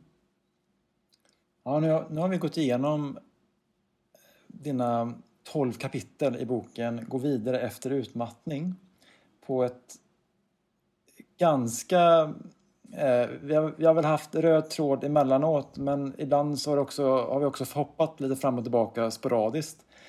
Eh, jag vet att du har skrivit en bok sen tidigare tillsammans med eh, en kvinna som heter Kerstin. Kerstin Geding, jajamensan. Flera böcker. Vad, vad, heter, vad heter den boken som du skrev med Kerstin där? Jag hittar inte det bland papperna. Mm, eh, en heter Vägen ur utmattningssyndrom. Just det, det var den jag tänkte på. Mm. Hur skiljer sig den boken med den här boken som du har skrivit nu senast? Jo, den här boken som jag har skrivit senast den eh, riktar sig till alla som har ett utmattningssyndrom förvisso men jag tänkte mest på de som tenderar att krascha gång på gång. Där det blir det ena återfallet efter det andra. För att verkligen komma åt vad det är som orsakar återfallen och på vilket sätt man kan förhålla sig till dem. Va? Och kanske lära sig leva med att man har ett antal symptom på utmattning som hänger med genom livet och som blossar upp med jämna mellanrum men som man inte längre ser som sina fiender utan kanske som sina bundsförvanter som talar om för en när man har tagit på sig för mycket, när man har börjat slarva med, att, med självomsorgen. Och då behöver man ta tag i just den, vara sin egen bästa vän, ta hand om sig och så märker man att man är på banan igen. Så det är väl det som är den stora skillnaden, att den här är mera fokuserad på de som aldrig riktigt kommer ur det utan som är, drabbas gång på gång. Va? Ja, och vi, och vi har ju gått igenom den här boken på ett ganska övergripande sätt. Mm. Men, jag, men jag vet också att du nämner i boken att nyckeln, det är ju också övningarna som finns.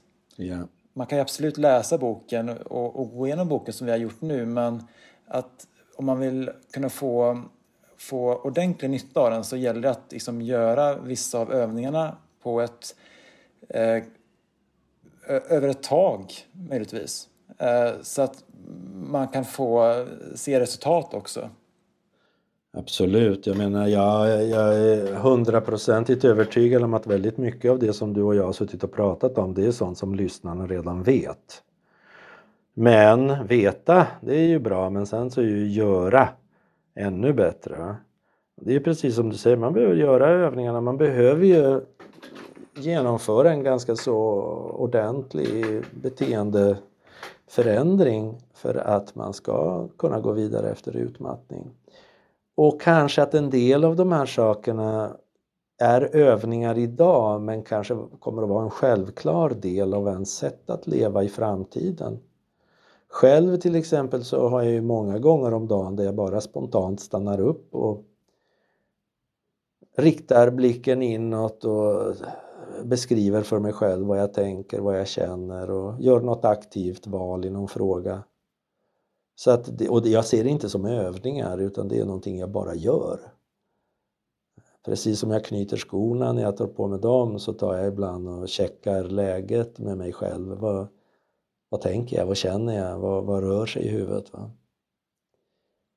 Och jag tror att det är en eh, fin det är en förutsättning för att man ska kunna ta, kunna ta hand om sig oavsett om man har en utmattning eller ej. Om man, om man vill köpa din bok eh, Gå vidare efter utmattning, vart köper man den i så fall? Man köper den i bokhandeln och man kan köpa den via de här nätbokhandlarna eller så, ja det är väl de som har den framförallt. allt. Eh, Bokus, Adlibris. Eh, ja, eller så kan man kanske dra iväg en mail till stressmottagningen, vi säljer den också info.stressmottagningen.com Tusen tack för eh, vårt samtal Giorgio. Ehm, finns det några ord som du skulle vilja avsluta vår, ehm, vår podd med? Jag vill tacka dig Alexander för förtroendet och eh, alla ni där ute som lyssnar. Jag vill i allra största ödmjukhet tacka för att jag fått följa er en del på den här resan och önskar er verkligen lycka till framöver. Mm, tack. Och eh, tanken var ju att den här del två skulle vara ungefär lika lång som del ett på en timme men eh, ibland så eh, händer livet och det blir inte helt som jag tänkt mig. Men samtidigt så tänker jag att allting är precis som det ska och eh, lägger mig i tilliten. Eh, men då avslutar vi vår första samtalspodd på ganska länge med Giorgio och återigen så vill jag tacka han för all energi som han lagt ner i det här samtalet. Ehm, ja, jag önskar er som lyssnar en fortsatt fin dag. Hej då! Hej hej! Om du vill tipsa oss om en poddgäst eller om du har en fråga eller synpunkt på det vi gör kan du alltid mejla oss på podcast raktinivaggen.com för att få svar. Tack för att du lyssnar.